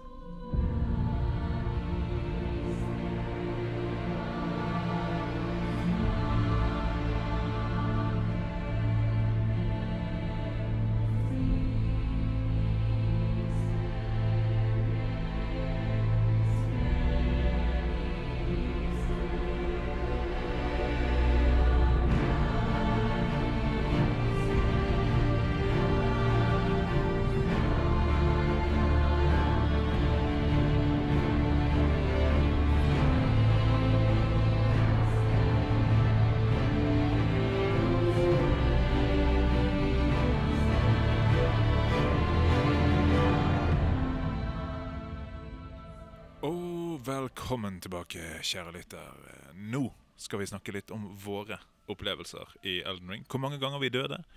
Eh, hva er Elden Ring sitt særpreg? Hva skiller det seg ut fra andre FromSoft-spill? Kjetil, du har jo spilt andre FromSoft-spill. Det har faktisk ikke jeg noe særlig. Kan du si litt om det? Det kan jeg gjøre. Jeg har jo spilt alle de som blir kjent som Soulsborne-spill, da. Altså Dark Souls 1, 2, 3, Bloodborne, Sekiro og Demon Souls i remake-versjon, som eh, kom på PlayStation 5. Mm. Og jeg spilte i den rekkefølgen jeg sa nå. Først alle Dark Souls-spillene, så før Bloodborne og Sekiro. Um, og det er jo, dette er jo et kjempelangt steg i uh, en ny retning, det her. Nice. De, de sprenger sine egne, sitt eget format på så mange måter med Elden Ring. Mm. For men, eh, der de tidligere Souls-spillene har vært veldig fokusert på Kan kanskje si at det er to Eller tre hjørnestener da i Souls-universet. og det ene er den mystikken rundt hvordan historien blir fortalt. Mm. Det andre er combat. Altså det her med det kjennes veldig ut som hvis du gjør en feil, så er det din feil. Det er veldig presis combat. Og så er det nydelig designede verdener. Så jeg har vært veldig god på musikk, veldig god på combat og veldig gode på verdensbygging. Ja. Og da høres det jo ut som at alt dette opphøyes sammen i, i Elden Ring, holdt jeg på å si. Ja, og det som da Jeg hadde prøvd å se minimalt med trailere før Elden Ring kom ut, for å ikke få noe spoila. Og det som da slår meg som den aller største forskjellen fra fra mm, de tidligere Salt-spillene til Elden Ring, så er det at du har en hest. Du har et Torrent, din trofaste følgesvenn, og som eh, Altså, etter å ha spilt eh, veldig, veldig, veldig mye WoW, så veit jeg jo det hvor eh, lei du kan bli av summende mountainen din, og det tar tre sekunder. Mm. Så er jo det å summone torrent, det er jo en sånn instant cast. Ja. Og det kan du gjøre så lenge du er utendørs, kan du gjøre det når som helst. Du kan gjøre det i en kamp, du kan gjøre det for å komme deg ut av en kamp, du kan gjøre det Mm. for å komme deg kjapt inn i en kamp, og du kan gjøre det for å utforske verden i et mye høyere tempo. Mm. Og det Og gjør at verden og, og ja, det er en ganske banal ting, da, men at du kan hoppe. Ja. ja, for det, jeg eh, visste jo egentlig ikke det at du ikke kunne hoppe i tidligere FromSoft-spill. Ja, du kunne hoppe i Sekiro, og du kunne gjøre en veldig rar form for hopping i de tidligere. Hvis du tok løpefart og dobbelttrykka på løpeknappen, så hoppa du. Som høres, Det høres jo latterlig ut når du tenker på hvor mange spill der hopping er ganske essensielt. Så sier det litt om hvor eh, låst du var til bakken da i de tidligere Souls-spillene. Men det er, det er jo veldig mm, Ja, sant. Og det er jo en eh, veldig parallell til Zelda sånn sett, da. mm, uh, Først i Breath of the Wild så fikk du det åpne området, og du kunne hoppe og klatre, da. Du har, og eh, Mm. glide, selv om du ikke hadde mount. Så Elden Ring har jo på en måte mount og dobbelthopping. Det som jeg liker litt, er at du, du får liksom ikke en flying mount, sånn at du kan liksom gå over alt Nei. som gjør at det blir eh, Det gjør det mye lettere for spillet å skape en viss Viss, viss lite fnugg av lineær storytelling, da. At du må vente litt med å komme til det aller mest episke stedet, på en måte. Mm. Men hvis du bare får en flying mount med en gang, så blir det litt mindre spesielt å komme til de siste områdene òg, på en måte. Ja, det hadde jo egentlig ødelagt hele eh, progresjonen i verden, med tanke Mm. på at det er disse to heisene, Lift of uh, Rolled og Lift of Dectus, som frakter deg til de mest spektakulære stedene. Mm.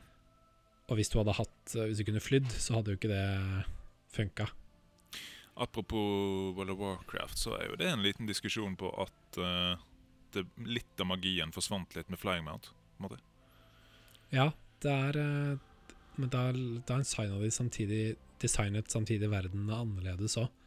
Ja. Som gjorde at du fikk en, uh, en helt annen følelse av å utforske verden. Så der syns jeg det var et steg i rett retning med å få inn Mm. flying mounts.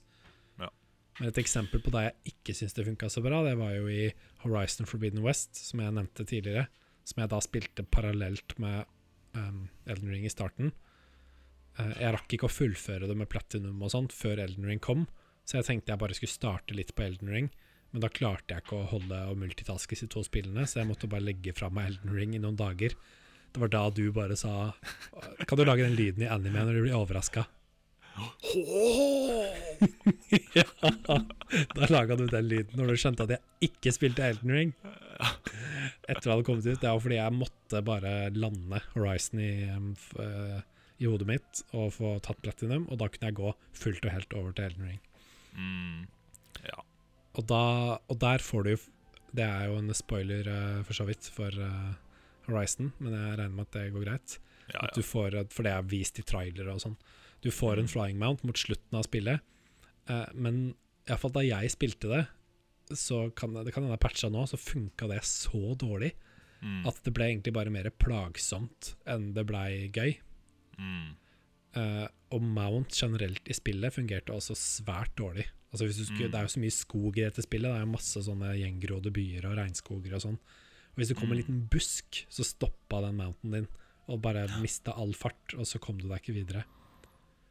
Noe av det jeg eh, syns var nesten gøyest med Elden Ring, var jo liksom det derre Å ja, de vil at jeg skal prøve å, å se utenfor kanten her og prøve å komme meg til den der Ja. eh, rare kanten ti meter ned, selv om Mm. all tidligere erfaring sier at jeg dør hvis jeg Ja. går utenfor eh, For du har jo ganske begrensa med fall damage. Altså, du dør ganske ofte hvis du prøver, liksom. Men uh, noen steder er jo Mm. lagt opp til hva skal jeg si, parkour. Um, Ja, at du må virkelig hoppe mye rundt. Og, Noen av disse og der her, er det jo tårnene. Ja, hva sa du? Noen av disse tårnene der du må liksom uh, finne riktig kant og komme deg ned. Eksempel å komme ned til uh, The Frenzied Flame, Three Fingers, liksom. Jeg dauer. Jeg daua. Ja, jeg daua mange ganger der òg. Men you were saying? Nei, altså, den um, En annen ting som uh, skiller dette spillet fra de andre Souls-spillene, det er jo størrelsen Mm. på hvor vanvittig stor denne verden er. Og Mm. den er så Den er så ufattelig stor at det er uh, vanskelig å forstå at alt er i ett spill. Ja. Og det er litt sånn Litt sånn hvis du har vært på en veldig, veldig lang uh, ferietur, um, og så har du opplevd kjempemasse, og så på siste dagen i ferieturen så kommer du tilbake da til flyplassen eller til togstasjonen, og at du skjønner at du skal reise hjem, og så føles det ut som en evighet siden du var der sist, for du har opplevd så mye siden den gang. Mm. Og litt sånn var det med Elden Ring. Når du kom helt tilbake igjen til det første stedet helt til slutt, så tenker du Var dette samme spill? Ja. Var jeg her? Løp Ja, ja, jeg virkelig rundt og rundt og, og slåss mot noen sånne små sånne hulefolk for å få 500 XP per fiende for å komme meg til level 13? For å ta Altså, det, det virker så fjernt, da. Som en sånt, et sånt fjernt minne. Ja, altså, jeg ble jo drept på ett sekund av den der eh, Tree Night Sentinel. Tree Sentinel eh, Ja, de er altså, ganske tricky i starten. Mange som eh, kjenner seg igjen i det, sikkert bare ja, 'Skal utforske Leondel', og så bare Tree Sentinel, goodbye. Og det, og det spillet går så veldig i faser òg. Altså at noe som virker helt sykt i et øyeblikk, sånn er at jeg fant ut at hvis du løp eh, et stykke østover i eh, Limgrave, så kunne du finne en stein som rulla ned en bakke. Og hvis Ja. du Og den eh, steinen følger etter deg, Mm. og er, funker på en måte som en fiende, da. Og hvis Mm. du lurer den steinen til å trille utfor en kant, da får du 1000 XP. Og det kunne du gjøre på nytt og på nytt, og da kunne du få en del levels. Og det føltes ut som at oi, nå går jeg fort opp i level. Mm. Og hvis du sammenligner det med alle de syke måtene vi fant ut i løpet av spillet til å få mye XP Det var sånn åh, jeg har bare én million, det er ikke nok. ja. Og der kommer jo neste punkt, eh, det her med vanskelighetsgraden i spillet. Mm. Mm. Hvis det er greit greit å gå videre eh, til det. Vi kan godt snakke om det. Eh, det er jo overraskende mye oppmerksomhet om at det er vanskelig, og det er jo kanskje en mest rykte til FromSoft-spill som har gått litt imot uh, Elden Ring her, kanskje. Og Mm. det skal jo sies at det er, det er jo initielt vanskelig. Altså, hvis du går rett til Margit, så blir du jo sannsynligvis eh, pløyd. Du blir liksom. knust. Ja, du blir knust. Eh, Men som du er litt inne på her, da. Det er litt kult at dette spillet Det har ikke en sånn vanskelighetsgrad-toggle, så du kan bare trykke pil høyre, og så blir det lettere. Det er sånn Du kan Nei. gjøre det lettere hvis du eh, utforsker måter å gjøre det lettere på. Mm. Det er jo en litt sånn diskusjon om eh, man skal bruke summons eller ikke, f.eks. Ja. Du har sånne veteraner som er sånn «Øh, Feigt å bruke summons. Eh, Da har ikke du egentlig runda det, liksom. Ja, for det er, her er, kommer det en veldig viktig ting, og det er, eh, det er noe de har snakka mye om i level up. Altså Hvis du bruker mekanikker som er i spillet, Mm. så jukser du ikke. Nei, nei. Altså hvis du Alt som er inne i spillet, er lov, og er Mm. greit, og er en del av spillet. Og det er eh, Jeg syns det er en uting hvis man skal begynne med å gatekeepe sånn og si at Altså snakke om the real experience, for eksempel, i mm -hmm. FromSoft. At du skal ha the real experience i eh, hermetegn, så må du kjøre den og den bilden, eller du må, kan ikke bruke de- den og den skillen. Det, Ja, det blir for dumt. det blir for dumt. Det er For da det, det er da Altså, hvis, hvis du blir møtt av sånne holdninger er, Da tenker jeg det er derfor spillet har det ryktet det har, med at det er så vanskelig. mm, Med at du blir møtt av holdninger at du må spille på en bestemt måte for at det skal være på en måte ekte. Den ekte opplevelsen. Kanskje noen sånne ihuga purister som Ja, sånne purister, ja. snakker veldig høyt, liksom.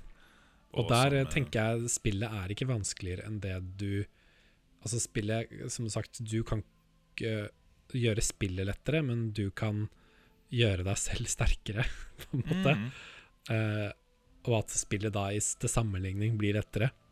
Ja, ja, ja. Og iallfall i dette, i både Demon Souls uh, remake, som var det siste jeg spilte før Elden Ring, og i Elden, og i Elden Ring, så kan blant annet dette med spells kan bli så kraftig mm, at du kan som regel ta en boss uten å komme i nærkontakt i det hele tatt. Koronametoden. Du har jo Azure Comet uh, Forever-metoden. Azur Comet Forever. Jeg vil bare forklare det, sånn, et eksempel da, på hva du kan gjøre. Uh, du, har en, du har en flaske i spillet som gjør at ehm, eh, Altså en flaske som kan tilpasses etter ditt bruk. En, eh, på en måte din personlige flaske, da. mm, eh, I tillegg til flasker som gir eh, health og mana. Eh, og den eh, Du finner gjenstander underveis som kan forsterke den flasken på den måten du vil. Og en av måtene det er at i ti sekunder så koster ingen spells mana. mhm. Sånn at hvis du bruker den flasken, så har du gratis spells i ti sekunder. Og så løper du verden rundt for å finne den aller kraftigste spellen i spillet, som er en sånn evighetsspill. Den varer så lenge du har mana. Uh, og hva skjer hvis du bruker den i, um, uten at du bruker mana? Jo, da kan du holde den spellen inne i ti sekunder. Som er en sånn gigantisk beam som fyrer løs av all kraft på det du har foran deg. Og så i tillegg har du summons i dette spillet, som jeg syns er et veldig fint tilskudd i um, FromSoft. Det har du ikke hatt tidligere. Du har, hatt- du har hatt uh, sånn NPC-summons, som uh, Altså, du kan summone andre NPCs, eller du kan summone andre spillere. Eh, men her har du sånne summons som du har i rollespill ofte, hvis du er druid eller necromancer eller noe sånt. I Diablo så har du summons som du kan Mm. slåss med deg. Og hvis du har en summon som um, kan ta mye damage, som er veldig tanky, så får du bossen til å angripe den summonen, og venter til um, bossen ikke er opptatt av deg. Så drikker du den flaska, og så fyrer du opp den spellen, og ti sekunder sammenhengende, bo sammenhengende boom på bossen. og det er som å se den health-baren på bossen gå så fort ned at det går, for, det går ikke an å si at dette er et vanskelig spill. Hvis, du, hvis du bare vet hvordan du Altså, og det her kan man se én film på YouTube, så finner man ut hvordan man gjør det. Er, Um, og på da tror jeg YouTube. at På grunn av YouTube. Og da tror jeg at med sånne triks, da, så kan uh, Hvis du har på en måte spilt en del åpen verden-spill og action-rollespill før, så kan alle de som måte kjenner sjangeren, klare Elden Ring, tror jeg. mm. Så det er jo egentlig så vanskelig som du vil gjøre det sjøl. Ja, det, er akkurat det. Min første playthrough var jo eh, Mimic Tear og Sword of Night and Flame, liksom. Det var jo Ja, det var jo min eh, 90% av spillet brukte jeg jo bare eh, Sword of Night and Flame, altså et sverd som har Altså alle våpen i Elden Ring har en weapon skill, mm, som er på en måte Det kan være en magi eller et uh, spesielt type slag eller et hopp. Um, og så finner du et sverd som har denne her uh, Comet, Comet. altså den beste spellen i spillet, som weapon skill. mm. Så det betyr at du kan få denne spellen i praksis lenge, lenge før du, du egentlig kan få den. Ja. Med å bare springe over hele kartet og plukke den opp Mm. ned i en grotte. Mm. Så eh, det som er litt gøy, da, er at eh, ja, det er så vanskelig å gjøre det sjøl. Og etter den playthroughen så ville jeg gjøre det litt vanskeligere, så da gikk jeg Dexterity og Arcane. Og så etter den playthroughen så ville jeg gjøre det vanskeligere og gikk eh, Strength. Ja. Uh, med Colossal Sword, da, som gjør deg treig og nærkontakt. Så um, ja, det, jeg liker det. At du har den manuelle vanskelighetsgrad-manøveren, på en måte. Det er en sånn naturlig vanskelighetsgrad, hvordan å si. Ja, det står jo her eh, på punktlisten 'spillhistorisk innflytelse'. Det er jo, vi har jo ikke fasit her, da. Men eh, det, blir, altså det er vanskelig å hoppe etter Wirkola her, da. Men noe av det jeg elsker, er jo at mangelen av UI Altså mangelen av ting som dukker opp på skjermen, og sånne her beskjeder og hjelp du får, gjør, gjør det mer immersive. Det, Ja. det gjør liksom at det, du, det oppleves mer ekte, på en måte. Og, sånn Hvis du går rundt i verden på ekte, så får ikke du Eller jo, pga. mobiltelefonen så får du opp masse ting hele tiden. Men um, Og pga. at kartet ikke er ferdig utfylt, så får du den utforskeropplevelsen. da. Så det håper jeg at andre spill ikke gjør helt likt, men er inspirert av det. da. Mm. Og der er det igjen milevis med forskjell til andre Så fra Elden Ring til andre type um, åpen verdensspill. For Mm. å ta en liten parallell igjen til Horizon. Der er det så mye sånn handholding, som han sier. Altså at uh, spillet hjelper deg til å forstå hva du skal gjøre. Det er så Mm. mye av det at um, ja, for, for min del blir det altfor mye i perioder. Mm. At du får høre hovedkarakterens indre monolog hele tiden. Sånn at du står på en plattform, og så ser du rundt deg, og kanskje har du lyst til å prøve å finne ut selv hvordan du skal komme deg til neste plattform, og så sier hovedkarakteren i sånn indre monolog Maybe I should use that rope over there. ja. Bare tanken på at noe sånt skulle skjedd i Elden Ring. Så bare Maybe I should just cheese that boss. Maybe I should Altså, jump det- down there. Maybe I should jump down on that uh, hidden platform. Altså, det er så, yt, så ytterst på skalaen til uh, Altså, det er ikke handholding, det er handslapping, liksom. Ja, handslapping. Det er sånn app, app, app. hvis du, hvis du Ja, prøver å finne litt hjelp, så får du ikke det. Ja, Det blir spennende å se om noen år hvor uh, store ringvirkninger Elden Ring uh, Mm. får. Uh, om det får liksom Ocarina of Time-virkninger, Ja. eller hva som skjer. Og det blir spennende å se på min eh, personlige skala òg. Jeg setter det jo veldig høyt nå. Ja, Men, samme eh, her. Det blir, jeg må vente litt med å sette det i eh, subjektivt perspektiv, liksom. Og så har jeg også veldig lyst til å nevne messaging-systemet. I eh, Og det er jo en Frontsoft et, Altså et Frontsoft-fenomen. Jeg har ikke sett Mm. noe lignende i noen andre spill. Mm. At du kan hjelpe eller ødelegge for andre spillere med et internt meldingssystem. Ja. Eh, og der uh, Man kan ikke skrive hva man vil, for det hadde jo vært litt for enkelt. Men man må bare Ja. bruke et sett med ord som uh, utviklerne har lagt inn. Så du kan f.eks. skrive 'Be wary of left' Ja. på bunnen av en trapp. Og, Mm. da, og så setter du det ut, da kommer det som et lysende merke på bakken. Sånn at andre spillere kan stemme den opp og ned, så på Reddit. Mm. Uh, og de som er stemt opp flest ganger, de får Altså de blir synligere for andre spillere, da. Mm. Be wary of left. OK, da går jeg opp denne trappa. Da kommer det til å være en fiende på venstre side, så da tar jeg opp skjoldet mitt, og så holder jeg det mot venstre idet jeg går opp trappa, og da er det en fiende der. Og det er genialt, syns jeg, for det er en Mm. måte å gjøre at du føler Du får en følelse av at du ikke er aleine i denne verden. Det er Mm. andre som har gått før deg og gjort de feilene som, for at du skal slippe å gjøre dem selv. Mm. Og på den måten så kan du lære masse om verden. F.eks. med at det rett ved et stup er et merke for det sto 'jump here'. eh, så er det alltid sånn 50% sjanse da på om det er faktisk en hemmelig vei, eller om det er noen som troller deg og lurer deg til å hoppe ned et stup. Og, Og den eh, sjansen må man bare ta i Elden Ring. Altså, ja, du ja, må bare håpe eh, at det er faktisk en hemmelig vei der. For det er nok av folk som legger ut uh, trollebeskjeder. Ja, ja, ja. Den der uh, hidden pathway ahead, og så står det 'liar ahead'. Liar ahead. ja. Alltid den. Ja, og alltid den 'is this a dog'? Altså, det Is this a dog? Ja. all, alle dyr er dog. Um, Mm.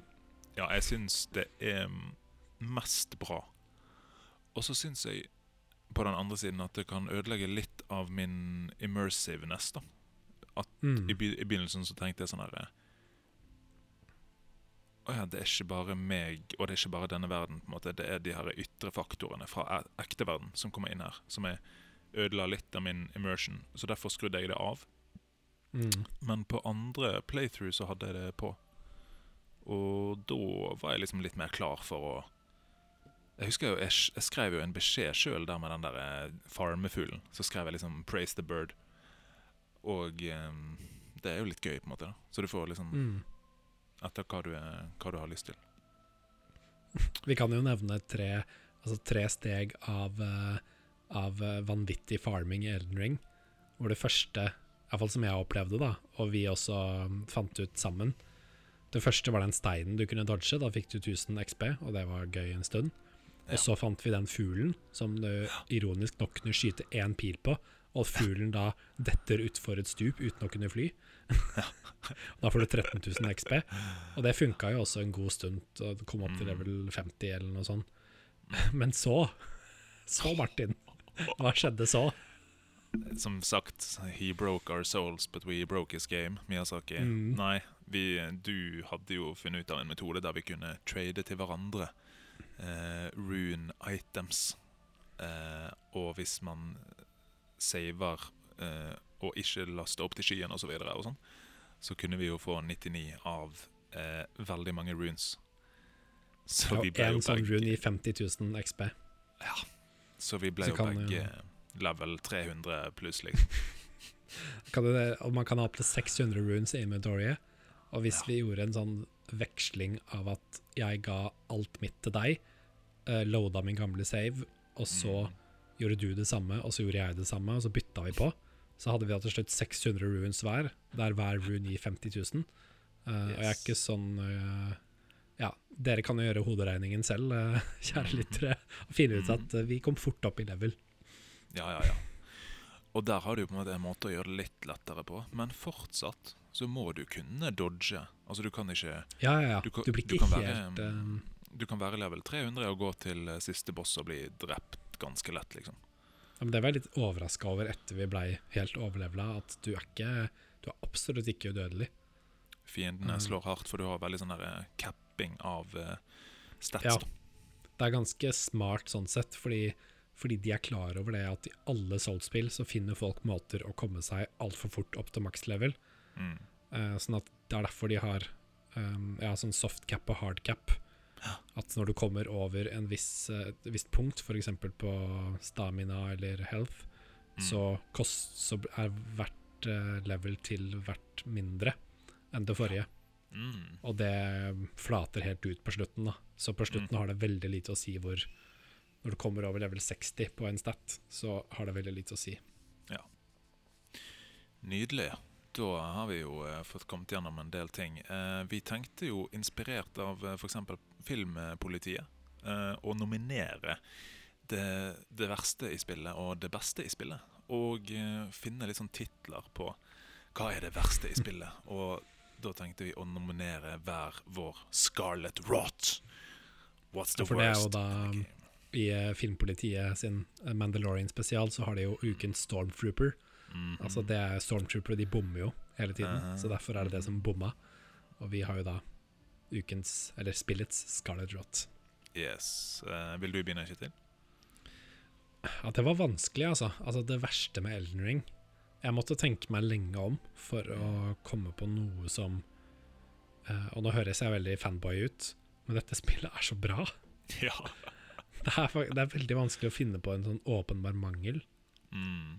Uh, jeg kan ta en, en ting som jeg tenkte på noen ganger når jeg spilte gjennom, uh, og det er at um, jeg syns noen av bossfightene og kampene i spillet kan bli litt vel sånn stive når det gjelder dette med hitbox og Mm. weak spots og sånn på bossene. At der tror jeg de har mer potensial. Altså til å få det til å virke mer som at du Hvor du treffer på fienden, har mye å si. Og det er jo weak spots på fiendene, men det virker av og til så stivt at Mm. du um, Du må liksom targete direkte på en del av bossen, og så må du liksom løpe bort dit og treffe, og det er vanskelig å sikte med ting og, og sånt. Mm. Så det, ja, av og til kan på en måte hele den der weak spot hvor du treffer på en fiende, kan være litt stivt. Men eh, det ødelegger ikke for hva skal jeg si, magien i bosskampene. Mm. Så det var ikke noe game-breaking i det hele tatt. Eh, så kanskje Det var en, en liten ting, men kanskje det aller største mangelen i dette spillet, det tror jeg går på um, inventory-system og hvordan du organiserer Mm. ting. Mm. Der har de en del Der kunne de um, lært litt av andre spill. Uh, altså, det er ingen måte å sortere items på, f.eks. F.eks. sortere de etter uh, når du fikk de. Sortere de Mm. alfabetisk. Og du får veldig mange items etter hvert. De er bare sortert etter type inne i inventory. Ja. Og så uh, Og det er ikke- veldig mange spill som har fått et veldig smart inventory-system mm. um, de siste årene. Og f.eks. å kunne legge til favoritter. Det savna jeg Ja. veldig. At du kan Mm. ha de tre våpnene du bruker mest, ha de som favoritter.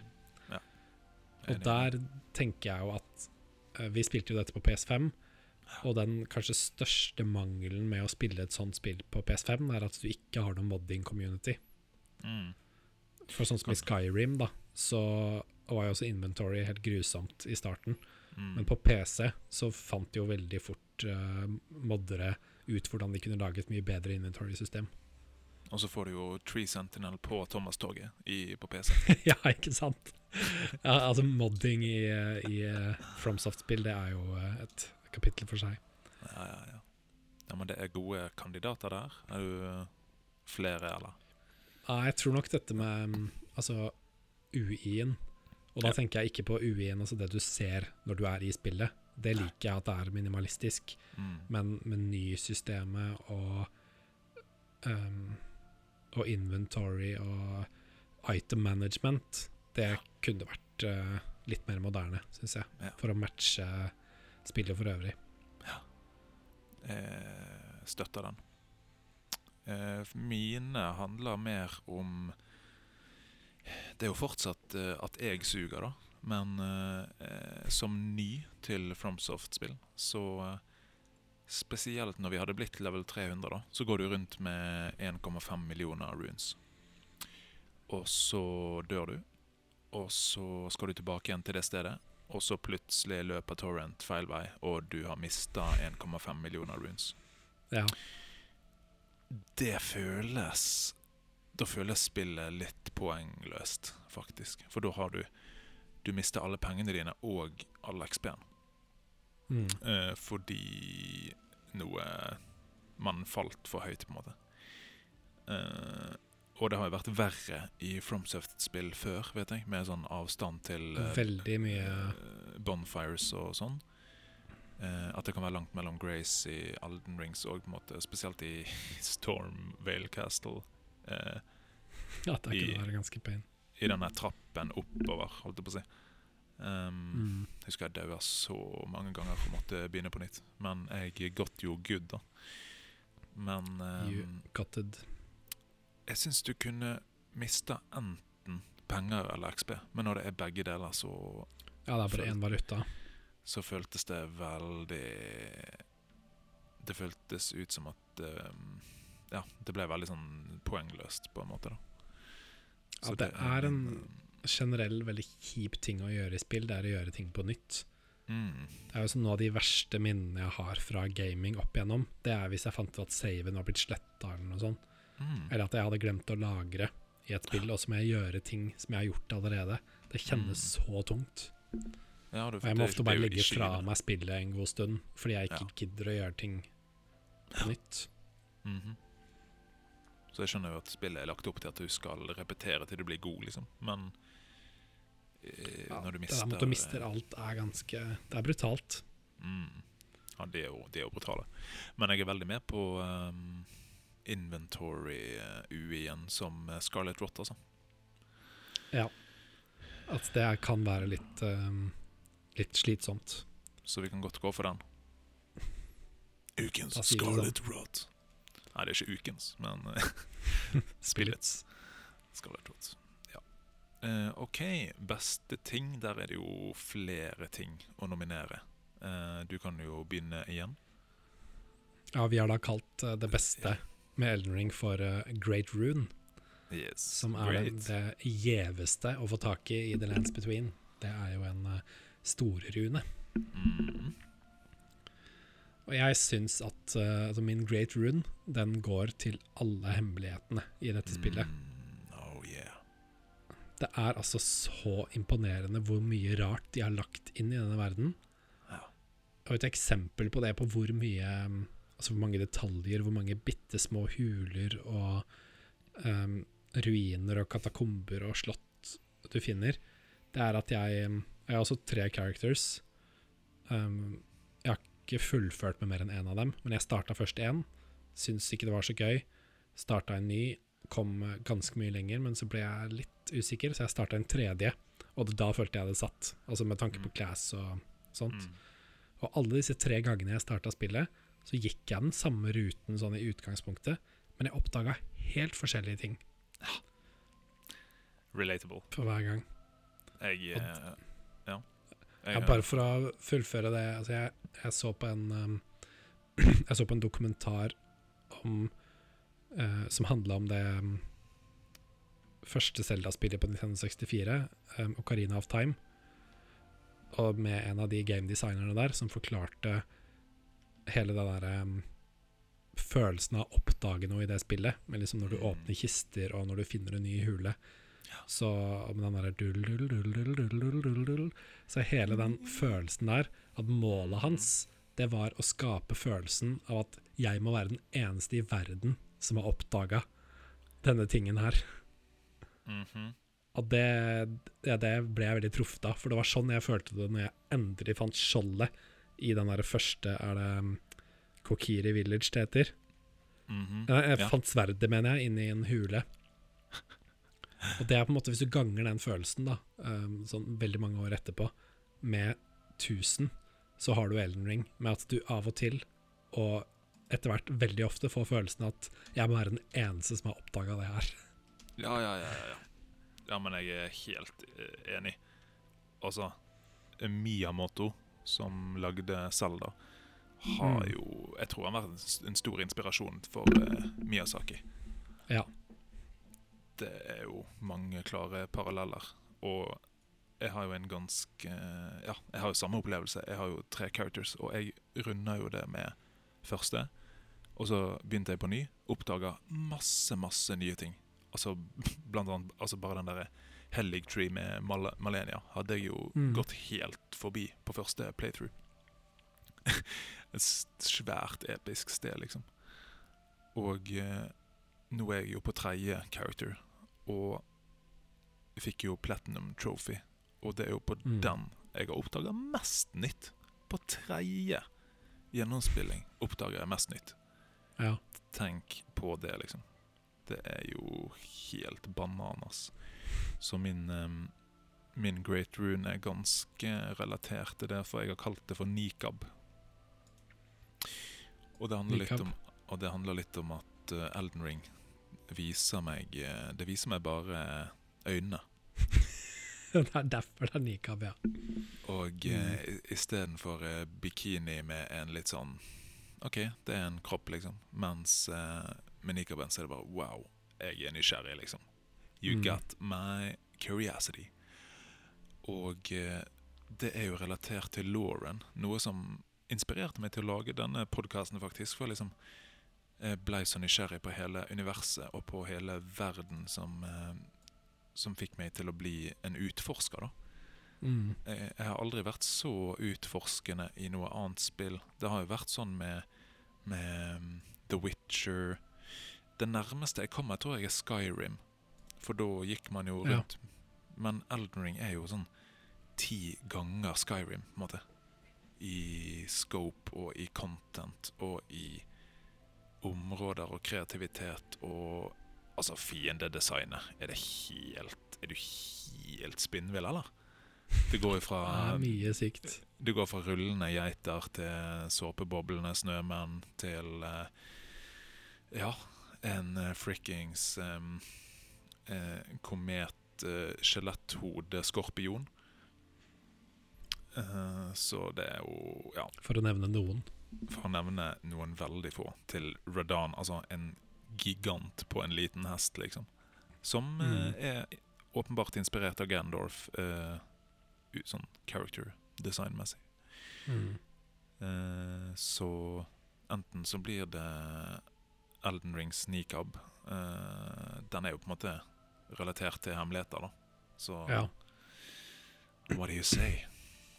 Jeg syns det er en eh, passende metafor for, eh, for dette spillet. At du, du ser bare litt med en gang. Mhm. Så må du selv uncover the secrets. Mm. Yes. Da har vi vært gjennom mye, Kjetil. Det har vi. Sit- Sitter du igjen med noen siste Elden-ord, eller? Jeg sitter igjen med at jeg nå sitter og tenker på hvordan jeg skal få tak i den ene Quest-itemen for å komme videre i Ja. Skal vi bare slutte å snakke questline. og Skal vi bare slutte å snakke og Og flytte oss over til sofaen?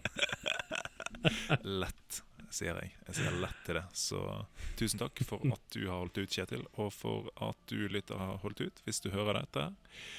Og eh, hvem vet? Altså, vi har jo bare Vi har bare skrapt litt på isfjellet, egentlig. Det er jo mye mer i dette isfjellet. Mm. Og Så tenk om det kommer DLC-er. Mhm. Jeg heter Masterballs på Discord, og hvis du vil spille med meg på, på Elden Ring, så bare fyr det opp.